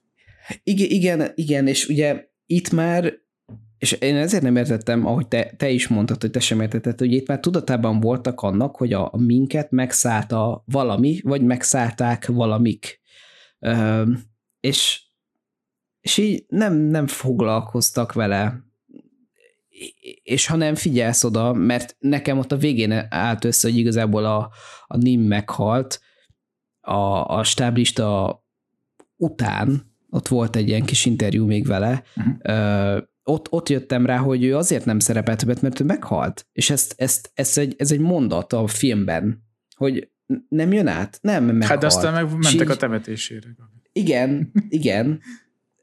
De ott nem mutatták, hogy, tehát nem mutattak róla képet mm. sem. Jó, hát igen, tehát ha nem figyeltél, akkor azért az valóban de, de tehát értem, hogy mit mondasz, de Hát jó. Igen, ugye itt a nevek, nevekkel itt, itt probléma van, meg, meg Igen. az, hogy ugye annyira, annyira lefókuszáltak a, a főszerep, vagy akinek kellett volna lenni a főszereplőnek, hogy ő mi megy át. Mm, nem, ezt nagyon tudom ajánlani. Tényleg nézzétek meg, nagyon nehéz úgy beszélni róla, hogy nem mondjunk el semmit. A vége, a végi katarzis, azt, azt nem tudom hova tenni. Még, még, még mindig itt van velem, és, és ez tipikusan az a film, amit így megnézel, és utána ülsz a stáblista előtt, és próbálod feldolgozni, hogy mi történt. Uh-huh. I- i- ilyet velem filmek nagyon ritkán csinálnak, tehát hogy a, ami ilyen, ilyen dolog volt, hogy nem tudtam hova tenni, és így, így ültem ki percekig a fejem, és néztem ki a fejemből, az mondjuk a, a Bioshock Infinite végigjátszása volt. Ott, ott is ugye megkapsz egy kurva nagy csavart, ott van egy játék katarzis, és utána lezárják a sztorit úgy, ahogy. És ez is, ez is ilyen, hogy nincs feltétlenül megoldás, viszont az a vég, ami ott van, az, az nem, egy, nem egy happy ending. Hát igen, ez, ez messze van. Egyáltalán nem. Igen. Um, igen, tehát hogy Mondd csak. Nem mondja nyugodtan, aztán majd akkor belekezdek én is, mert azért nekem is van Nem, tehát hogy ez, ez, hogy, ez, hogy ugye a, azért a mostani modern, modernkori horrorokban valamilyen végső feloldozást azért kapsz. Vagy megmenekül valaki, vagy ugye az van, hogy alapvetően már a, a nem is a főhősnek szurkolsz, lásd ugye a, a Halloween-nál is, ahogy ott megölik a Mike Myers-t a, a végén, uh, ugye a, a Halloween Ends-ben, ott is volt valami feloldozás, ami, ami lezárta a történetet. Itt ez nincs, és, és talán pont emiatt ilyen nyugtalanító. Uh-huh. Igen. De tiéd a szó. Uh, kapásból egy érdekességgel kezdenek, ugyanis a film is ezzel kezd, hogy a feliratba, hogyha megfigyelted, akkor a képernyőn hogy az volt írva, hogy 2561-et írunk, Nyilván a, a angol feliratban ezt 2018-ra átfordították, de hogy ez azért van, mert a, hát a buddhista kor, vagy a buddhista időszámítás Tájföldön az a 543 évvel korábban kezdődött, mint a, mint a hát ez a mostani Krisztus utáni időszámítás, amit úgy nagyjából a nyugati világ használ. Tehát most például 2022-ben Tájföldön már 2565 van. Egyébként az annyira Aha. nem nem. Hát akkor, meg... a, várj, akkor, de akkor ez volt a, a Con, Con is. Ugye ott az elején volt egy ilyen fal, ahol ilyen 2562-től voltak hmm. fenn cetlik, ami ugye a csajnak a, az előre látható törlesztése. Igen. Akkor ez azért volt? Aha, igen. Aha. Tehát, hogy ez nem, nem, nem a jövőben játszódnak ezek a filmek, hanem, hanem ez ezért van. Um, Egyébként ez így Ázsiában annyira nem meglepő, tehát ugye tudjuk, tehát a muszlim nagy többségű országokban is ugye a, az iszlám időszámítás van, ami meg 1500 vagy 1400 valamennyi, most ezt nem tudom, hogy hirtelen. Szóval azért van egy pár ország, aminek ugye más, más az időszámítása, mint a miénk. Ez Tájföldön is így van. Ami nekem tetszett ebben a filmben, hogy ez nem az a tipikus áldokumentarista horror volt, ugye ezt te is mondtad, hanem ez tényleg ez, hát mint egy ilyen Netflix doksi igazából, ahhoz tudnám hasonlítani, hogy ugye leültek a karakterek, vagy hát nem leültek, hanem átsorogtak, ugye interjúk voltak, nem csak a Nimmel, ugye a főszereplővel, hanem a, a családdal voltak interjúk, a Minkel volt interjú, ugye volt egy egészen, egy ilyen napot eltöltöttek a Minkel, amikor követte a stáb, ugye a munkába, stb amiknek az ismerőseivel, barátaival, munkatársaival, főnökével, stb. Tehát ez tényleg mint egy ilyen, egy, mint egy ilyen jól összeszedett ilyen dokumentumfilm volt, de ugye rendes ilyen stúdiókamerákkal, rendes tábbal fölvéve, és ez szerintem nagyon sokat dobott rajta, vagy nagyon tetszett. Tehát ez a film szerintem áldoksiként nem működött volna. És uh, szerintem nagyon jól és ötletesen vegyítik ezt a kamera használatot bele a történet mesélésben, ugyanis nagyon sokszor én azon kaptam magam, hogy elfelejtettem, hogy egy áldoksit nézek. Tehát volt, volt például olyan rész, amikor a, a minket követte a kamera nagyon sokáig, ugye ott a, a temet, az első temetésen ott elkezdett furcsán viselkedni, és ugye a Nim az ugye ment utána, és utána bevitt, bekövették a, a szobába, ott beszélgettek vele, ott ugye megtaláltak valami, valami hát én átok cuccot, vagy nem tudom, mit a szekrényébe, és én ott abban az 5-10 percben totál elfelejtettem, hogy ez egy állokomentumfilm, és onnan esett le újra, amikor a Nim vagy a mink így, mit tudom én, kiszólt a stábnak, hogy ne kameráznak, meg arrébb a kamerát, meg ilyenek, és ez, ezen többször rajta kaptam magam. Úgyhogy, úgyhogy szerintem tök jó, tök jó volt. Amit szintén én pozitívumként kiemelnék, az, hogy a, a tájföldi szokásokban, meg az ilyen szertartásokban elég részletesen beleláttunk a filmben, mindenféle imákba, stb. És szerintem ez pláne egy kultúr, tájkultúrával szemben nem annyira ismert ember számára ez szerintem nagyon szép, vagy nagyon jó adalék. És azért nyilván nem vagyok tisztában a buddhista szertartásokkal, csak láttam őket, de részt nem vettem, hogy egyben sem, de amennyire úgy láttam, azért valamennyire autentikusak voltak, lehet, hogy teljesen is egyébként, és ez, ez is szerintem tök, tök sok ilyen kulturális adalékot adott a filmben. Illetve van egy rész, ami szintén ilyen kis érdekesség, hogy mondja, ott beszélnek az egyik ilyen fő sámánnal ott a, a, a Nimnek a temetésén, és kérdezi tőle az egyik stábtak, hogy és az attól nem félnek, hogy a mink itt lesz a temetésen. És akkor mondja, hogy hát a, a, az autóra rá van matricázva, hogy, piro, hogy ez az autó piros. És hogy ez, ez egyébként, ha nem tudod, hogy ez micsoda, akkor nyilván ilyen tök fura, ott mutatják is utána az autónak a hátulját, hogy tényleg ott van rajta a matrica és ha nem tudod, hogy ez micsoda, akkor, akkor ugye meglepődsz rajta, meg ez ilyen tök random detail, vagy, vagy részlet, viszont ez tájföldön egy létező szokás, és ezt általában mindenféle esetekben használják, de általában többek között olyankor szokták ezt használni, amikor használt autót vesznek, és úgy az a hiedelem, hogyha ezt a piros matricát, vagy ezt, vagy ezt így felragasztják rá, akkor ez valami, valamilyen módon a, az autóban ragadt, az előző tulajtól ragadt ilyen mindenféle ártó, meg rossz szerencsét, bal szerencsét, stb. hatástalanítja. Tehát ez egy ilyen hiedelem, és ezért volt az, hogy amikor hozták autóval a minket, akkor ugye ki volt ragasztva ez az autópiros a kocsira. Aha. Beszélnek ugye a film elején arról is, erről, amit te is említettél erről az örökösödésről, meg hogy a generációról generációra, hogy a nőkön át hát öröklődik végsősoron ez a, ez, a, ez a megszállás, vagy ez a, ez a szellemi megszállás, stb és akik esetleg szemfülesek, vagy esetleg még emlékeznek rá, azok azt is megfigyelték, hogy a malájfilmes adásban is a Puszakánál volt egy hasonló dolog, amit mondtam, ami szerint, hogy ott is a gonosz szellemeket uh, ugye lehet ott, ott egyébként tárgyakon keresztül, de hogy ugyanilyen családfán örökösödés útján tovább lehet adni. És azért ez tök érdekes szerintem, hogy két egymástól gyökeresen eltérő kultúra, nyilván földrajzilag közel állnak egymáshoz, és ezért valószínűleg a nagyon-nagyon ős, ősrégen hasonló hiedelemvilággal indult, de hogy mára még Malajzia egy iszlám többségű nagy országgá vált, addig a tájföld az pedig ugye ugyanez csak buddhistában, tehát ott pedig a közhiedelem az ugye a buddhizmus és a ezzel kapcsolatos hiedelmek, és hogy mégis azért ilyen apró nüansznyi dolgok megfigyelhetőek a, a két országnak a hitvilágában, vagy hasonlíthatóak, és szerintem ez is tök jó. Az is tetszik egyébként, amit a sámánő mond az elején, hogy hozzá igazából fizikai betegséggel hogy hiába mennek az emberek.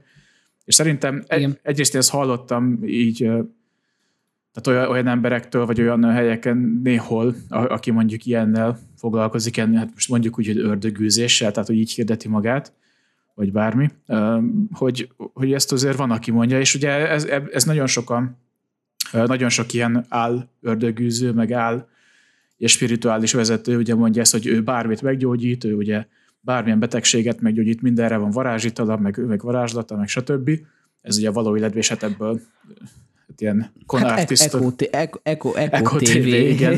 gerinc műtét, tehát igen, igen. ez nagyjából így, de igen. Igen, igen és ez nekem egy külön mondod. tetszett, hogy ő kiemelte, hogy ő hozzá, hogyha rákkal jön valaki, akkor az ember az meg fog halni, mert ő nem egy orvos. Tehát ő hozzá csak, is, csak és kizárólag ilyen spirituális dolgokkal tudnak fordulni az emberek, ami szerintem egy egy tök érdekes kis, kis extra.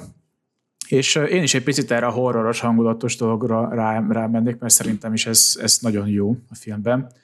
Tehát már az első negyed, az első negyed órában is ö, e, ott van ez a, ez az elképesztően nyomasztó atmoszféra. Tehát például ott van a, a vaköreg asszonyos jelenet, amiben igazából semmi nem történik az ég egyet a világon, de annyira ijesztő, vagy hátborzongató, vagy nem tudom, hogy fogalmazzam meg, amikor tehát ezeket a kitartott közelékkel ott van, a, a, megy, az, megy a kamera végig az öreg asszonyon, tehát ez attól még most is bőrzik a hátam.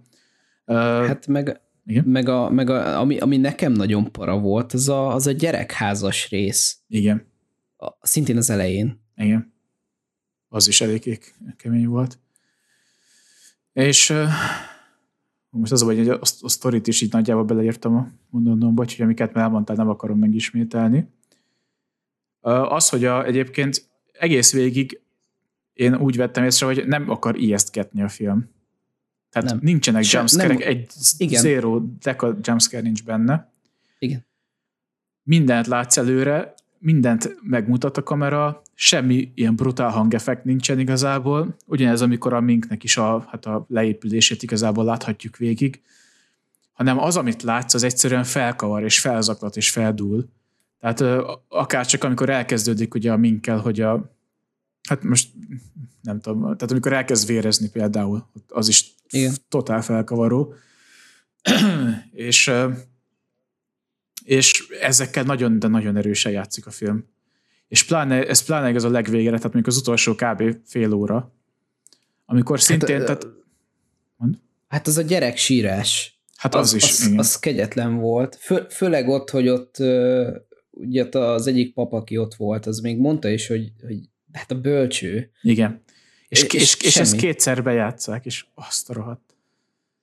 Már hogy nem pontosan ugyanazt, csak hogy ugye ilyen hasonló dolgot többször is bejátszanak, és tehát az, az, az, az, az is tehát olyan fú, olyan creepy, tehát ez elmondhatatlan, azt is látni kell tényleg, ami, ami ott történik. És hát tehát én ezt nagyon, de nagyon imádtam pont emiatt, hogy semmi jumpscare nincs, mert tehát aki azért nem néz esetleg horrorfilmet, mert, mert fél a, a horror, tehát fél a jumpscare-ektől, és fél a hirtelen megijedéstől, na az ezt nyugodtan néz meg, mert ebben nem lesz ilyen egyáltalán, hanem ez egyszerűen magával az atmoszférával, meg a látottakat, tehát amiket megmutat, mert azért hát nem szégyenkeznek valóban elég brutális dolgokat megmutatni. Most azon, azon túl, hogy ilyen megszállt démoni melleket láthatunk, az még a leglájtosabb dolog azok közül, amik ezután következnek, akár ott a, abban a kis rejtett kamerás felvételes hát montásszerűségben is, amit ugye már emlegettünk. Tehát nem, nem ijesztő, nem ijesztgetős film, de azért eléggé képes belét fagyasztani a szart. Úgyhogy... Mm, én, én ezzel pont, mert nekem ugye ezek a típusú horrorfilmek jelentik az igazi hor- horror. Tehát, hogy mm. most, most csak amikor beszéltünk ott a, a hú, ez milyen jelenet volt, az miért. Tehát én még most is liba bőrözök tőle, pedig nem vagyok ijedős. Tehát, én is. Alapvetően egy, egy jumpscare az a, az a ijesztésnek a legolcsóbb műfaja, mert Igen. nem, nem, nem kreatív. Uh-huh. Ez a film viszont teljesen az, tehát, hogy ez, ez felépít neked egy katarzist, és a katarzist az utolsó 30 percben folyamatosan megkapod. Igen. És, és vége a filmnek. Itt nincs, nincs, nincs felszusszanás a végén. Igen, pontosan. És, és szerintem ez ettől működik. A, a vége kicsit amúgy átment már found footage-ba, tehát ez az éjjellátó kamerákkal, de még szerintem az is teljesen jól lát neki. Hát meg ott, meg ott uh, beleillett a történetbe, mert ott tényleg az volt, hogy igen, tudod azt, hogy igen. ami történik, azt egy stáb elvileg fölveszi. Tehát nekem akkor esett volna le, hogyha ott nem, lett, nem ment volna kicsit át már. Igen. Hát, amik ott történnek, azt, ha, ha te tudod, hogy egy ember veszi föl, és nem kezd el kicsit fan footage átvenni, akkor az, az lett volna az, ami, ha értem, szóval van itt egy ember, aki ezt full random rezenéstelen arccal végigveszi full stabil kamerák. Igen, igen, igen, igen. Hát,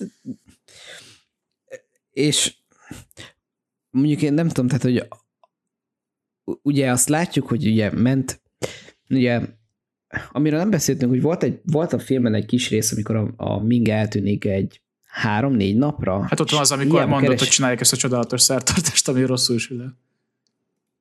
Nem, nem, előtte.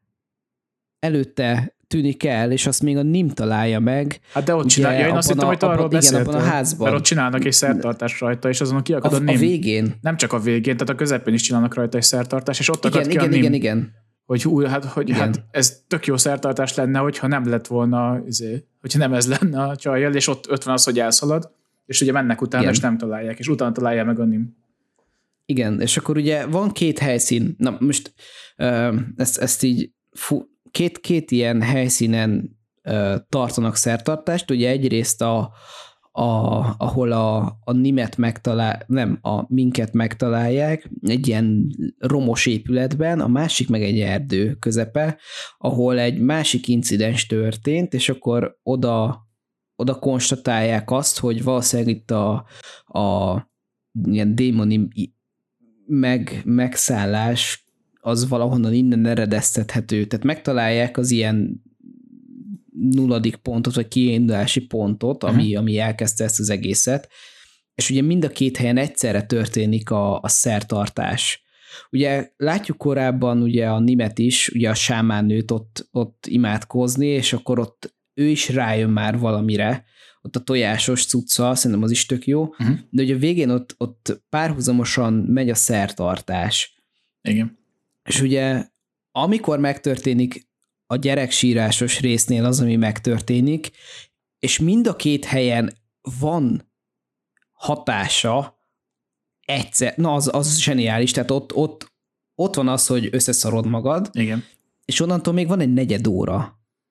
Meg az, amikor, nem, ez, tehát amikor a mink csak úgy sétál, és ott mellette jönnek, akik jönnek, meg ahogy jönnek. Igen, is. igen. Ne, ne, Meg- ne meg az- más, de, fú, igen, mondjad. Meg ami az anyukájával történik, szerintem még az is egy, egy kurva nagy Hát az is volt. nagyon kemény, igen. Én csak annyit akartam még elmondani, hogy azért nagyon kevés a practical effect, vagy a CG a filmben. Mármint, hogy bocsánat, a CG a filmben. Tehát speciális effekt az lehet, hogy van benne, tehát ny- nyilván.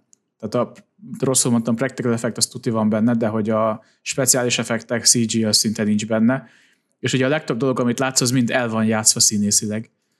És azért Igen. eljátszani egy démoni megszállást úgy, ahogy az ebben a filmben el van játszva, hát az, az azért, azért egy színészi csoda szerintem. És ez azért, ez azért szerintem igaz a film nagy részére, hogy nagyon jó az a színészi teljesítmény, ami itt van. És ezek, Igen. Amennyire én tudom, nyilván nem vagyok jártas a tájföldi színészekben, de amennyire én így láttam, vagy kivettem, senki nem volt ilyen nagyon-nagyon ismert színész. Pedig, de a, mi- a Mink, ugye ő a fő, ő a megszállt lány, őt, őt nagyon kiemelnem. Egyrészt a smink munka, amit kapott, hogy ő egy tök csinos, és hát tényleg ilyen, ilyen, ilyen kedves arcú lány, és ami lesz belőle a végére, ugye egyrészt itt a, a eltűnés utáni leépülés, meg, meg a, a, a tikkek, amiket csinál, ezek az Igen. ilyen kontrollált, szakaszos mozgások, nagyon nem tud, tehát a, a rendezés ilyen szempont, rengeteg instrukciót kellett, hogy kapjanak, mert ez zseniális, itt nem, nem volt lassítva semmi, és, és tényleg van, van egy ilyen borítója, ami, amin a mink van, és mosolyog, és tök para. Tehát ugye van a kedves arca, meg, meg amik, van, egy, van egy ilyen fura mosolygása, amit látsz, amikor meg van szállva, Uh-huh. és az, az kurva para. Igen, egyébként- Ezt majd berakom Jó, azt küldtem. ezt a borítót. Rákerestem egyébként, a, a, a német játszó színésznek összesen kilenc filmje van. Tehát azért az se egy túl nagy filmográfia, tehát ilyen, mit tudom én, szökővente csinál egy-egy filmet. A, a minket játszó színésznek pedig ez volt a negyedik filmje összesen. Tehát Hát- ezek tényleg nem ismert nagy, nagy színészek, de tehát amik, amiket itt lejátszottak, Ez, Na, az elképesztő. ez Tehát, hogy elképesztő ez, volt, igen. e, e, e, e, jó, nem, nem azt mondom, hogy Oszkára, de, de legalább egy, egy jelölést. Mert hogy ö, szerintem még az ördögűzőnél is jelölték a színésznőket, meg a Kerrynél is jelölték a színésznőket Oszkára. Igen. Um, tehát én értem, amiket te mondasz egyébként, és megvannak a hibája a filmnek, én ezt aláírom. Tehát amiket te, te hibának vélted, azok számomra is azért többnyire hibák voltak, de nálam ettől függetlenül ez egy 10 per 10, per 10-es film, tehát az az élmény, amit átéltem a film nézése közben, azért nekem kijavít minden hibát. És, és ez is az igaz, hogy én ráadásul még tudtam is ennek a filmnek a létezéséről, de valószínűleg, ha nincs ez a podcast, én sem nézem meg. Tehát azért most így vállon veregetem magam. Hát, de tehát jó, én is, én is papoltam, mint a hibáiról, hogy ugye a Nimről leveszi a fos, stb. Nem, ez egy 9-es film még így is, tehát hogy a, az élmény, a horror élményt, amit nyújt a film, azt megkapod. És, és én a végén egy időn, időn túl, nagyjából ott a végén a katarzisnál, ott a, a gyerek sírástól én elkezdtem gondolkozni, hogy hajnal kettő van, kell ez nekem? Igen. És egyébként, és... ja mondjuk, fejezbe. Örülök, hogy nem nyomtam ki, mert, mert kevesebb lettem volna, de, de elgondolkoztam rajta. Tehát, hogy egyszerűen túl sok ingert ad neked, és, és nagyon, nagyon meg, meghúzza a, a, nem is tudom, az inger, tehát hogy feltolja az inger küszöbödet a film közepétől, és utána meg egy kalapáccsal veri az idegeidet végig, és nem hagyja abba. Igen. Tehát, hogy és én, én, ezek, és én ezek után, ugye azért láttam az IMDb értékelést, ahol 6,5 ponton áll. Nem, ér, nem értem. És ezt nem értem, és jó, tehát egy-két olyan dolgot kritizálnak azért, amit mi is elmondtunk, hát most idézéles kritikaként, ami tényleg lehetett volna akár jobb is a filmben, mint például hogy a szülők, vagy nem a szülők, a szülők szóval, tehát hogy a családnak a minkhez való hozzáállása, hogy úgy igazából egy kicsit leszarják, annak ellenére, hogy tudják, hogy hogy, hogy mi van vele, de ennek ellenére, tehát ilyeneket írtak például, hogy ez a film ijesztő akar lenni. Nem, ez a film nem, nem. akar, tehát ez jumpscare módon semmiképp nem akar ijesztő lenni. Ez a film ez atmoszférával akar megborzongatni. És azt szerintem tökéletesen teszi, de ez a film ez szerintem egy pontján sem akar soha egy ilyen jumpscare tucat horror, ilyen arcotbogrós, ijesztgetős film lenni. É, meg hogy túl lassú, hát ez megint ugyanez egy kicsit szerintem, hogy aki azt várja, hogy egy ilyen, mit tudom én, Conjuring-szerű, meg démonok között Insidious-szerű, minden tizedik percben az arcodba ugrik valami, szerű, ilyen ijesztgetős horror legyen, annak valóban ez egy unalmas film lesz, meg egy túl lassú film lesz, mert ez a film ez nem erről szól, ezt nem ezt akarja csinálni. Hanem ez nagyon lassan akar építkezni, és atmoszférát akar teremteni, és tényleg csak a, a képernyőn látottakkal akar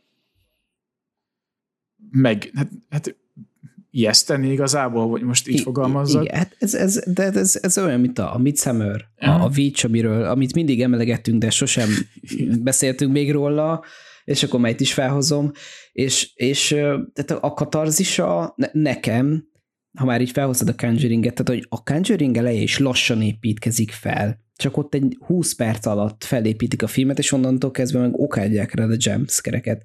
Ezt úgy képzeljétek el, hogy itt egy, egy óráig épít a film, és utána a maradék fél óra, azt nagyjából úgy képzeljétek el, mint a, a tapsolós jelent a Conjuringben végig. Vagyis inkább egy óra, mert két órás kb. a film. E, igen. De, ja. De az utolsó fél óra az, hogy ott, ott, ott végig tapsolós jelenet van. Igen. Na jó, elég sokat ömledeztünk, vagy ömlengtünk már a filmről, úgyhogy akkor... Igen, nézzétek meg mindenképpen. Mindenképp. És, és fent van könyvesboltban, tehát hogy ha esetleg VPN-eztek, akkor ugye Netflixen tudjátok nézni, ha nem, akkor akkor a öreg könyvesboltban elérhető, nekem is csak sajnos úgy sikerült beszereznem, nem tudom, hogy DVD-n esetleg külön rendelhető-e, a régió kód miatt lehet, hogy problémás, de vagy hát, így, vagy úgy már az meg. könnyen megoldható a régiókód.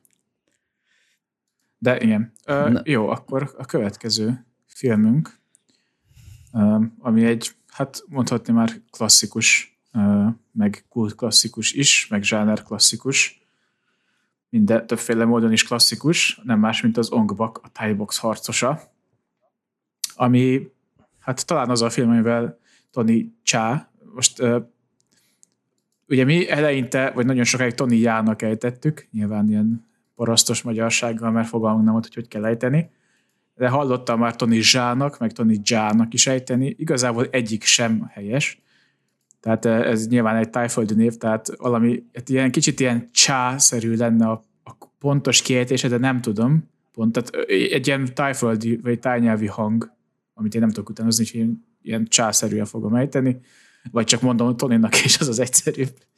De szóval talán ez volt az a film, amiben ő így igazán bevonult a köztudatba. Ezelőtt azt hiszem, hogy három-négy filmje volt, tehát, vagy lehet, hogy kicsit több, de hogy azok nem annyira ismert, tehát azok ilyen kisebb tájföldi produkciók voltak inkább.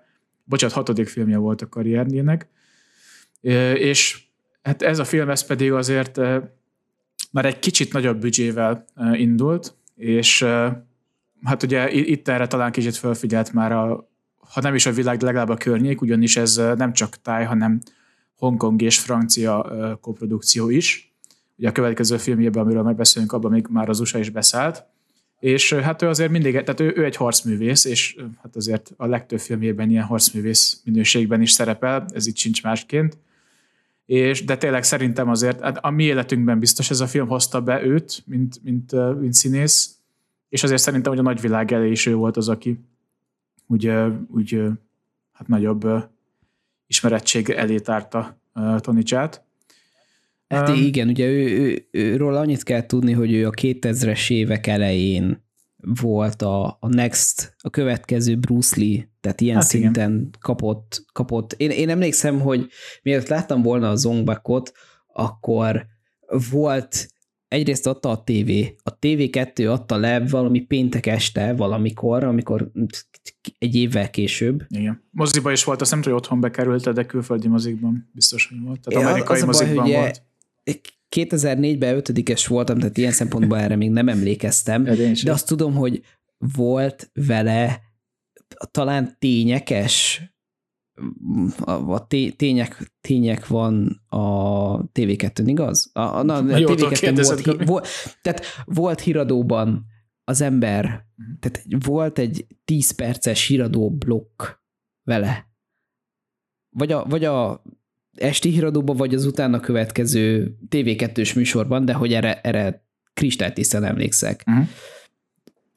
Jó, tehát uh, igen. Egyébként ez tényleg egy, egy, egy, ez, na, nem tudok beszélni így hajnal kettőkor. szóval, hogy ez a film egy nagyobb közönséget megcélzó megaprodukció volt már egyébként, és ez már 1,1 millió dollárból készült, amit egyébként a nyitó hétvégén vissza is hozott.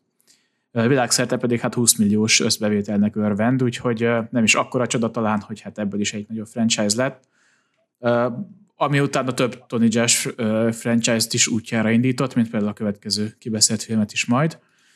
És hát azért idővel a nemzetközi filmgyártásban is elég ismerté vált, és kapott is nemzetközi, akár hollywoodi szerepeket is ezek után. Kicsit hasonló a felemelkedés története, mint Iko Vaisnak, ugye az indonéz, hát az indonéz Bruce Lee-nek akkor lényegében, fog is fogalmazzunk így, akivel, ha nem is megszólalásig, de azért eléggé hasonlítanak egymásra szerintem. De hát ugye annyi talán a különbség, hogy azért Tony Chan-nak ugye volt két nagyobb franchise-a, ugye az Ongbak, meg a következő Tom Jung-gong, amik úgymond felemelték nemzetközi tudatba, még Iko szerintem azért hát nagyjából elég volt a, a, a hú, mi volt a címe a filmnek? A Raid. Raid, igen, köszönöm. A Raid. De nagyjából hasonló a felemelkedés történetük. Igazából a film sztoriáról olyan túl sok beszélni való nincsen, tehát azért nagyjából áthaladás a legtöbb korai Tony filmmel, aminek nagyjából adni a sztoria, hogy egy kis falucskában, ahol lakott, oda bejöttek a csúnya gonosz insert random nagyváros, itt éppen bankoki gangsterek, akik elvitték az insert random dolog here, ami most éppen egy butha fej, ezért Tony Chan nyakába veszi a nagyvárost, és innentől körülbelül minden ötödik percben iszonyat látványosan tájboxol szét embereket, és hát a legkülönbözőbb módokon és helyeken veri PP az ellenfeleit. Igazából ez úgy nagyjából ráhúzható az összes Tanicsá filmre, tehát megkíméltem neked a következő filmnek az elmesélését is.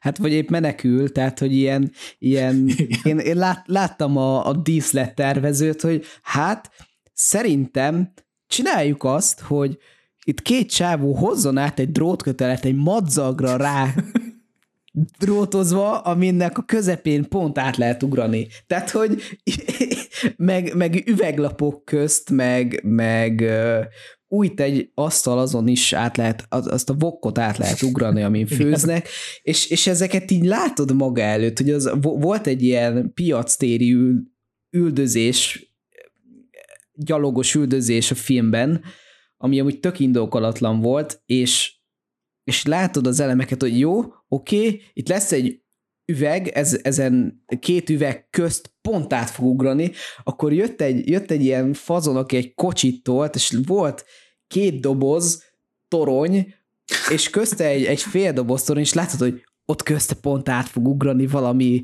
kurva látványos módon, és megtörténik. Igen. Tehát, hogy nagyon egyszerű film. Igen, viszont egyébként tehát a sztoriáról körülbelül ennyit lehet elmondani, nyilván utána a végén a jó felülkerekedik a gonoszon, és hát visszaszerzi a Buddha fejet, hát most úgy nagyon leszpoilereztem a filmet, de igazából nem a történet a lényeg, hanem az addig megtett út. Majd, hogy nem a film vég a lényeg, hanem az addig megtett út, tehát itt tényleg inkább a harc, harc jeleneteken van a hangsúly, amivel azért hát zsáner teremtett, vagy ha nem is zsáner teremtett, de azért megalapozott elég, elég sok jövőben elkészült filmet. Hát többek között a már említett Raid is ezer millió százalék, hogy a Tony Jaa munkásságából nagyban merített. Szóval hát így magáról a sztoriba én annyira nem mennék bele. Itt, itt még azért a színészi munka is elég igagyi volt, ellentétben a következővel, ahol már sokkal nagyobb produkció volt, és sokkal több pénzt kaptak rá, és emiatt azért megpróbálták a színészek is kicsit komolyabban venni magukat, bár amennyire sikerült itt, ez még ez sem volt, tehát itt eléggé gagyi, ilyen tájföldi ázsiai színészkedés volt, de tehát a harcművész, tehát a harc jelenetek önmagukban azok, azok elvitték a filmet, és azért tehát magába a filmnek a keletkezésébe azért talán bele, bele vagy megéri belemenni egy kicsit, ugyanis hát egyrészt eléggé egyedi, ahogy keletkezett a film, néha tényleg hajmeresztő, amik történtek a forgatásokon, és hát azért tényleg pokoli körülmények között dolgoztak a színészek olykor. Ugye azt, ez nagyon híres, elhíresült ez a film arról, hogy kaszkadőrök nélkül dolgoztak, tehát mindenki ekte úgy verekedett, ahogy az a filmben látszik, meg azt mindenki saját maga megcsinálta a filmben úgy, ahogy látszik. Emellett körülbelül nulla practical effektet használtak, és semmiféle ilyen vezérdrótok, segít, ugye hálók, semmi nem volt, tehát aki leesett, az, az leesett a valóságban is, akibe belerúgtak abba a valóságba is belerúgtak, aki, mit tudom én, nagyon-nagyon magasról esett le, az a nagyon-nagyon magasról leesett. Azt hiszem, itt a film elején van például, amikor a fa tetejéről egy kb. leugrik a Tonicsa, azt, azt, azt ő fogta magát, és leugrott a fa tetejéről tehát elképesztő, amiket megcsináltak itt a, a, a, a színészek, ugye CG-t ezt egyáltalán nem használtak, ugye Tanicsa az ő maga csinálta az összes kaszkodőr mutatványát is, tehát ő neki tényleg semmi segítsége nem volt. És hát voltak, tehát majd linkelek be dolgokat, de hogy voltak színészek, akik konkrétan drogokat szedtek a forgatás alatt csak azért, hogy bírják a tempót és a folytonos verést és a fájdalmat, amit éreztek. Több színész az több soron majdnem konkrétan meghalt, és volt egy koma, aki pedig a forgatás során kigyulladt, úgyhogy telibe kapták tűzoltó az laporoltó készülékkel, lefújták, ami miatt pedig később az életében tüdő problémái alakultak ki a valóságban. És hát ugye Tony Jaa maga is több soron megsérült egyébként a forgatások alatt. Egyszer például annyira kiment a bokája, hogy egy hónapig nem volt forgatás. Van egyébként egy dokumentumfilm a filmről, amit szerintem mi láttunk, Gábor, ugyanis szerintem az a DVD kiadáson rajta van, ez a Igen. The Road to Glory, The Making of Ong Bak. Viszont neten én ezt sehol nem találtam. Egy Daily Motion-ös uh, feltöltése van, viszont nem angolul, hanem tájföldi nyelven. Azt hiszem, hát hogyha a Google Chrome-ot használtuk, akkor annak van egy ilyen beépített auto caption uh, uh, funkciója, ami, ha jól tudom, akkor tud élőbe fordítani, mármint, hogy ez a close caption dolgokat úgymond ilyen kamu angolra megpróbál lefordítani, ugye amennyit kihal belőle, tehát esetleg azzal meg tudjátok nézni. Minden esetre be fogom linkelni. Illetve van két rövidebb YouTube videó is, ami szintén egy ilyen behind the scenes dolog, amikről nem vagyok biztos, hogy a dokumentumfilmből vannak-e, vagy egy másik valami filmből, vagy, vagy más videók, ezeket majd mind belinkelem szépen, és akkor ezeket megnézhetitek. Uh, és hát én annyit még azért kiemelnék, hogy a Tony Jaa elhivatottságáról, amiről majd a következő filmben is lehet beszélni, de itt is már megmutatta, hogy ő nagyon egy nagyon elhivatott, nem csak harcművész, de hogy a film iránt is. Ugyanis a filmforgatása előtt négy, azaz négy éven át, évekről beszélünk, négy éven át megállás nélkül megszállotta csak ezt a harcművészetet tanulta, ami a filmben van, ami egy úgynevezett Muay Boran nevű harcművészet, és azon belül is egy, ennek is vannak több ilyen stílusai, és azon belül is a Muay Korat nevezetű stílust tanulmányozta, konkrétan négy éven keresztül, és hát ez úgymond a, a ma ismert Muay Thai-nak vagy Thai Boxnak az ősi formája.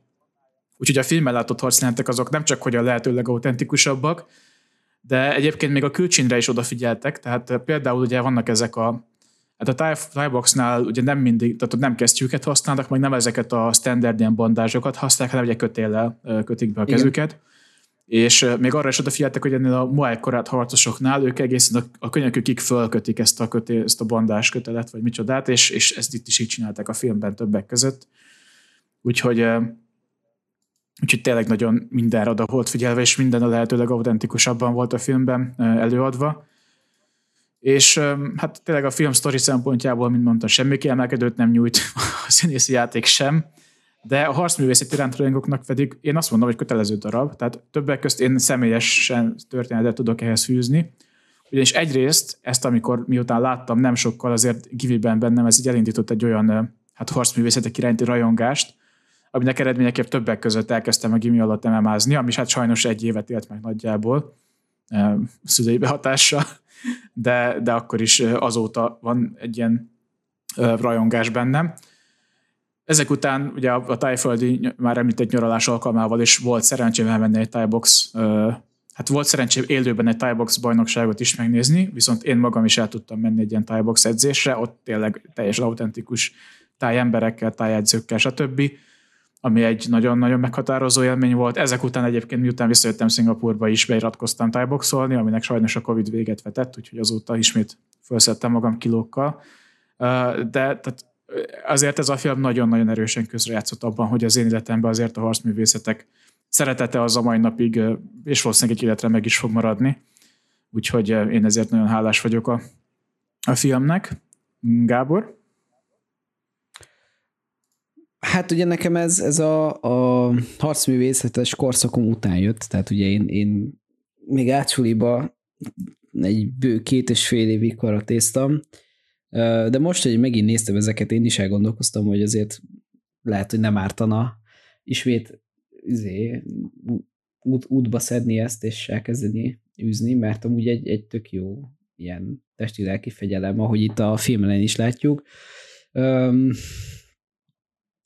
nekem, ne, nekem is ez a vége rész, ez tetszett, meg ezek a uh,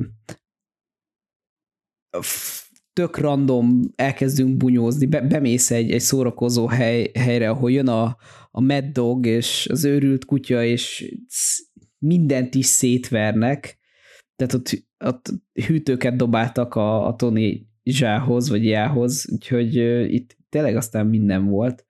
Uh, hasonló, mint a következő filmünk, nem is tudom, nekem ez talán jobban tetszett amúgy. Hát kicsit Sokkal aut- egyedibb is, meg autentikusabb is.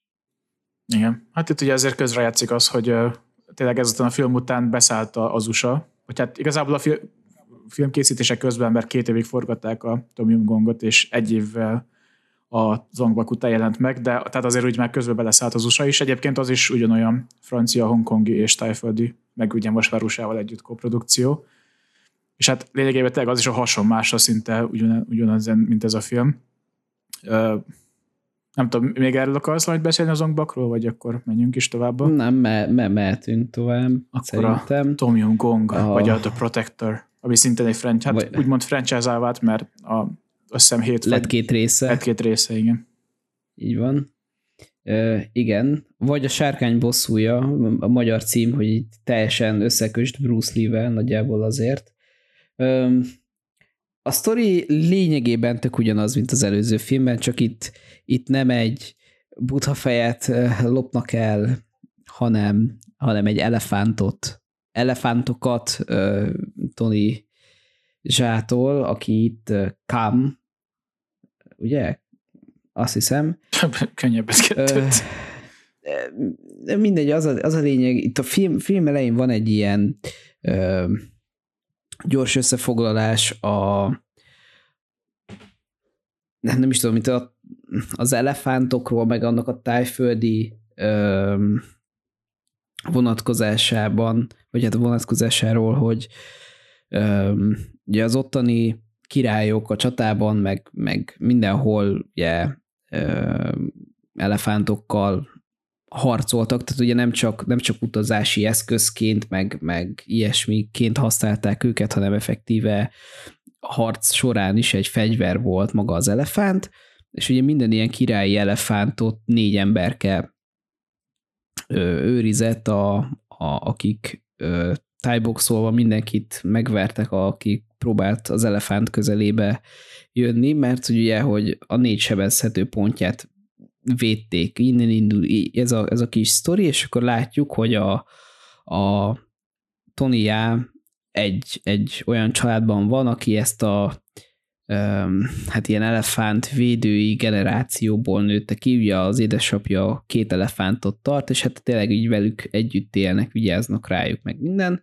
Itt látunk is egy ilyen tök jó elefántos montást, hogy az elefánt vigyázott a gyerek, gyerek Toniára, majd utána felnőttként ott az agyara inenc, meg, meg ilyenek, tehát hogy ez, ez, így, ez így benne van. És hát ugye nem is nagyon aprózik a, a film, ugye a film elején elrabolják tőlük a két elefántot, illetve lelövik az apukáját, és innentől kezdve elindul a, elindul a, a hajtóvadászat. Itt most nem bankokban, hanem Sydneyben, egy kicsit, kicsit arrébb megyünk, és már az első konfrontációt az, az egyik irodában, hogy még fel se dolgozta az apja halálát, sőt, szerintem igazából ott hagyta a francba és elrohant, és már megérkezik, már szétver mindenkit, majd tovább megy, és igazából ezt a kalandot látjuk itt. Itt most a főgonosz az, az nem egy hangdobozos, tolószékes csávó, akire rásik a hatalmas butha fej, hanem egy, egy kínai domina néni, aki majd erről mondok azért infókat. Elefánt, nem is tudom, kiállítást akar csinálni otthon, mert miért nem? És hát itt, itt igazából ilyen városi, nem is tudom, üldözések vannak, ami mondjuk nekem tetszett, az a, az a motoros, ö, ilyen neoncsöves bunyó, azt, azt, azt a mai napig látványos, ott abban a garázs sorban.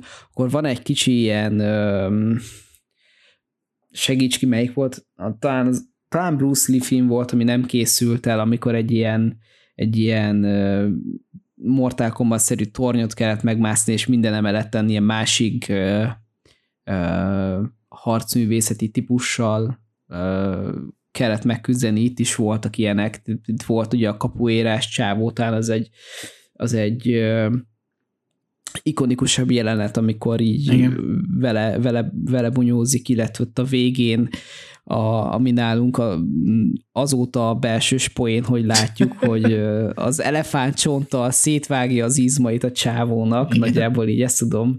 Szétvágta az izmait elefántcsonttal. Igen, tehát, hogy ráküldenek három ilyen, ilyen trónokharcás hegyet, vagy négyet a 150 centis tonizsára, sok sikert, és, és elefántcsontokkal szétveri őket, amit nem tudom, hogy köt magára, tehát ugye az egyiket ráköti a sájával, de hogy a másikokat azt, azt mindegy megoldották, meg ilyen, ilyen plot, plot, plot armor, hogy van, van ideje felkötni a két elefántcsontot a kezére. Hát tetteti, hogy el van ájulva. Igen, és a többiek meg ott álltak, tehát nem, nem, nem is tudom, kicsit így, így érdekes volt. Hasonló, nincs, nincs egy külön sztoria, itt is, itt is azért benne van ez a köteles rész, csak itt, itt már elefántcsontokkal is, tehát hogy itt még, még, még jobban ö, népiesítették ezt az egészet ezzel a elefánt mitológiával. Természetesen happy end végződik, mint minden Tony Zsá film kb. Hát olyan szó-szó. Uh, szó-szó. Szó-szó. Uh, de meg, meg van egy nagyon szép ábrázolás ott a végén, ahogy megfogja az elefánt, és nem hal meg. Ez is egy ilyen kis aranyos dolog benne, van benne egy teljesen indokolatlan rendőri korrupciós szál, Igen, amivel, amivel, ami, aminek semmi értelme nem volt. Ugye itt az előző Ongbakból itt a mellékarakter itt is itt van, csak itt rendőr, itt most már jó fiú, és ugyanúgy idegesítő, mint ott, csak talán az első részben idegesítő volt, tehát ez a háttérelem, ez egyáltalán nincs kihasználva, de szerintem nem is, nem is kár volt belerakni amúgy. Mm. Minden, minden verekedés, ami van, az, az egyszerűen nézeti magát, eszméletlen, hogy ez az ember mire nem hajlandó itt a falon, futáson keresztül, a, tudom, mindenhol is szaltózik, meg embereken futát, meg nem, nem is tudom, annyi, annyi inger ért már benne, hogy egy idő után már, már csak néztem, hogy mi történik, és, és hagytam, hogy magával ragadjon ez a őrült nagy káosz, ami ezt a filmet körbe lengi, mert ez túl hosszú amúgy, tehát erre a 1 óra 50 perc, ez sok, tehát hogy én ezt, ezt, ezt már egy kicsit soknak éreztem, ez egy, ez egy 90 perccel egy tökéletes, feszes tempójú film, nem, ettől függetlenül nem tudok rá haragudni, egy, egy tök jó boxos film, nézzétek meg egy tök jó akciófilm, tehát nem, nem tudsz belekötni. Bele lehetne, de ez a film nem, nem arról szól, hogy mi, mi a sztori, milyen interakció van a karakterek között, ez, ez a vegytiszta stuntman show lényegében, uh-huh. tehát hogy ennél őrültebb ember talán a Tom Cruise, aki kiugrik repülőből, mert miért ne? Tehát, hogy nagyjából így. Ja. Um, hogy uh, hallgatlak, neked mi a? Hát ugye azért itt eléggé meglátszik már az USA pénz, ez 5,5 millióból készült, és hát itt azért az előzőben ugye pont azt temetik, hogy nem volt kb. semmi effekt, itt meg egy kicsit ezt már túltolták, tehát itt olyan, olyan izé, epikus jelenetek voltak, hogy nem tudom én milyen kis tájföldi folyócskában a, a csónakkal felugratnak, és az beleszáll egy helikopterbe, ami akkor át robban, hogy két falu fölrobbanhatna. Igen, ott nagyjából a büdzsé 90%-át előtték azzal, hogy felrobbantottak egy helikoptert. Igen, szóval itt, itt, itt ezt kicsit túlkompenzálták, meg annyira, de annyian grandiózus akart lenni az egész, meg hát az, hogy itt, itt tényleg, tehát az előző, az, az Ongbaknál ugye mondtam, hogy ott aztán olyan volt a színészi játék, amilyen ez a tipikus ázsiai, na itt nem, tehát itt olyan szinten komolyan vette magát mindenki, és annyira morcosan tudott nézni egyfolytában mindenki, hogy ez nem igaz. Kivéve, amikor meg a poénos részeket próbálták belecsempészni, mint a, a, a boltrablás akár ott a, a filmnek az elején, tehát teljesen egy ilyen, ilyen értelmezhetetlen kocsvasz volt néha, hogy, hogy mi ez a film. De egyébként te is kiemelted, hogy itt azért vegyítették eléggé a harcművészeteket, tehát itt valóban mindenféle ázsiai harcművészet volt, meg ugye még a kapuira is teret kapott, és tényleg az egy, egy eléggé emlékezetes jelenet volt. Többek között azért is egyébként, ugyanis a, amit te is említettél, ez a, hát ez a, ez a emletről emeletre fölfele mászkálós bunyó jelenet, ez a filmtörténelemnek az egyik leghosszabb vágatlan bunyó jelenete. Igen. igen. Amúgy ezzel a izére akartam utalni, közben eszembe jutott a Bruce Lee-féle halálos játszma, ugye, ami, ami nem készült el, tehát ugye itt halt meg a forgatáson. Uh-huh. Igen, de hogy szóval, tehát ez, ez a ez jelenet, ez a tényleg a filmtörténelem leghosszabb, egyik leghosszabb vágatlan harcjelenete. Hát ilyen azt hiszem kb. 5 perces maga a, a bunyó benne. És ugye azt lehet tudni, hogy ezt ötször vették fel, mire sikerült, és hogy a forgatás az egy ilyen öt hónapot vett igénybe egyébként, ennek a jelenetnek a leforgatása. Egy, vagy bocsánat, tehát egy hónapon keresztül forgatták úgymond ötször újra ezt az egyenletet, mire sikerült, remélem, hogy érthetőbb. Ugye az előző Igen. filmnél is, az előző filmnél is említettem azért Tanicsának ezt a filmkészítés meg harcművészetek iránti elhivatottságát. Ugye még ott négy éven keresztül tanult egyfajta nagyon ősi harcművészetet, addig itt ehhez a filmhez konkrétan ő maga egy saját, teljesen új harcművészeti stílust talált fel, a, amiben, ezt, amiben ezek, ugye amiket mutatnak is ezek az elefántos mozgások, ezt te is mondtad, hogy ugye azzal vegyítik. Ezeket az elefántos mozdulatokat, meg mindent ezt teljes mértékben ő maga egy az egybe a filmhez fejlesztette ki. Úgyhogy egy új harcművészeti stílust hozott létre a Csáó egy filmhez, tehát azért ezt se sokan mondhatják el magukról. Úgyhogy, Abszolút őrült az az ember. Igen. Abszolút őrült, de, de a jó értelemben. Igen. És egyébként ez is egy hatalmas kassza siker lett, tehát annyi, itt is ugyanaz, mint az el, előző film, hogy a, hát körülbelül majdnem a teljes bevétel, vagy a költségét visszahozta már a nyitó hétvégén. Ugye itt 5 milliót hozott vissza az első nyitó hétvégén, és jelenleg 27 milliónál jár az összbevétele. És hát ugye ebből pedig már ugye ezt említettük úgy szint, hogy 2013-ban jött a folytatás, amiben nem más, mint RZA is szerepelt. Úgyhogy hát ezt is felkarolta Amerika. És itt még én kettő dolgot kiemelnék, úgymond, ami, ami talán érdekesség lehet. Az egyik az az, hogy amit mondta, hogy ez a Domina néni, na ez a Domina néni az eredetileg nem egy néni, hanem egy ö, transzexuális ö, személy, a filmben egy transzexuális karakter volt, az eredeti tájföldi filmben, viszont hát nyilván a mindenféle külföldi retorzióktól félvén az összes létező fordításban, meg szinkronban, meg mindenben kiszedték az összes arra vonatkozó utalást, hogy ez a, ez a karakter ez transzexuális volt. Tehát ez egyedül a, az autentikus tájnyelvű nézők számára esetleg tűnhet fel. És ezen még az is hát fűszerez egy kicsit, hogy a karaktert játszó színész is az egy transzexuális karakter, vagy egy transzexuális színésznő, a Jinxing, aki egy, hát egy korai etnikumú, de kínai származású, tehát hogy egy Kínában élő korai családból származó transzexuális nő. Úgyhogy hát igen.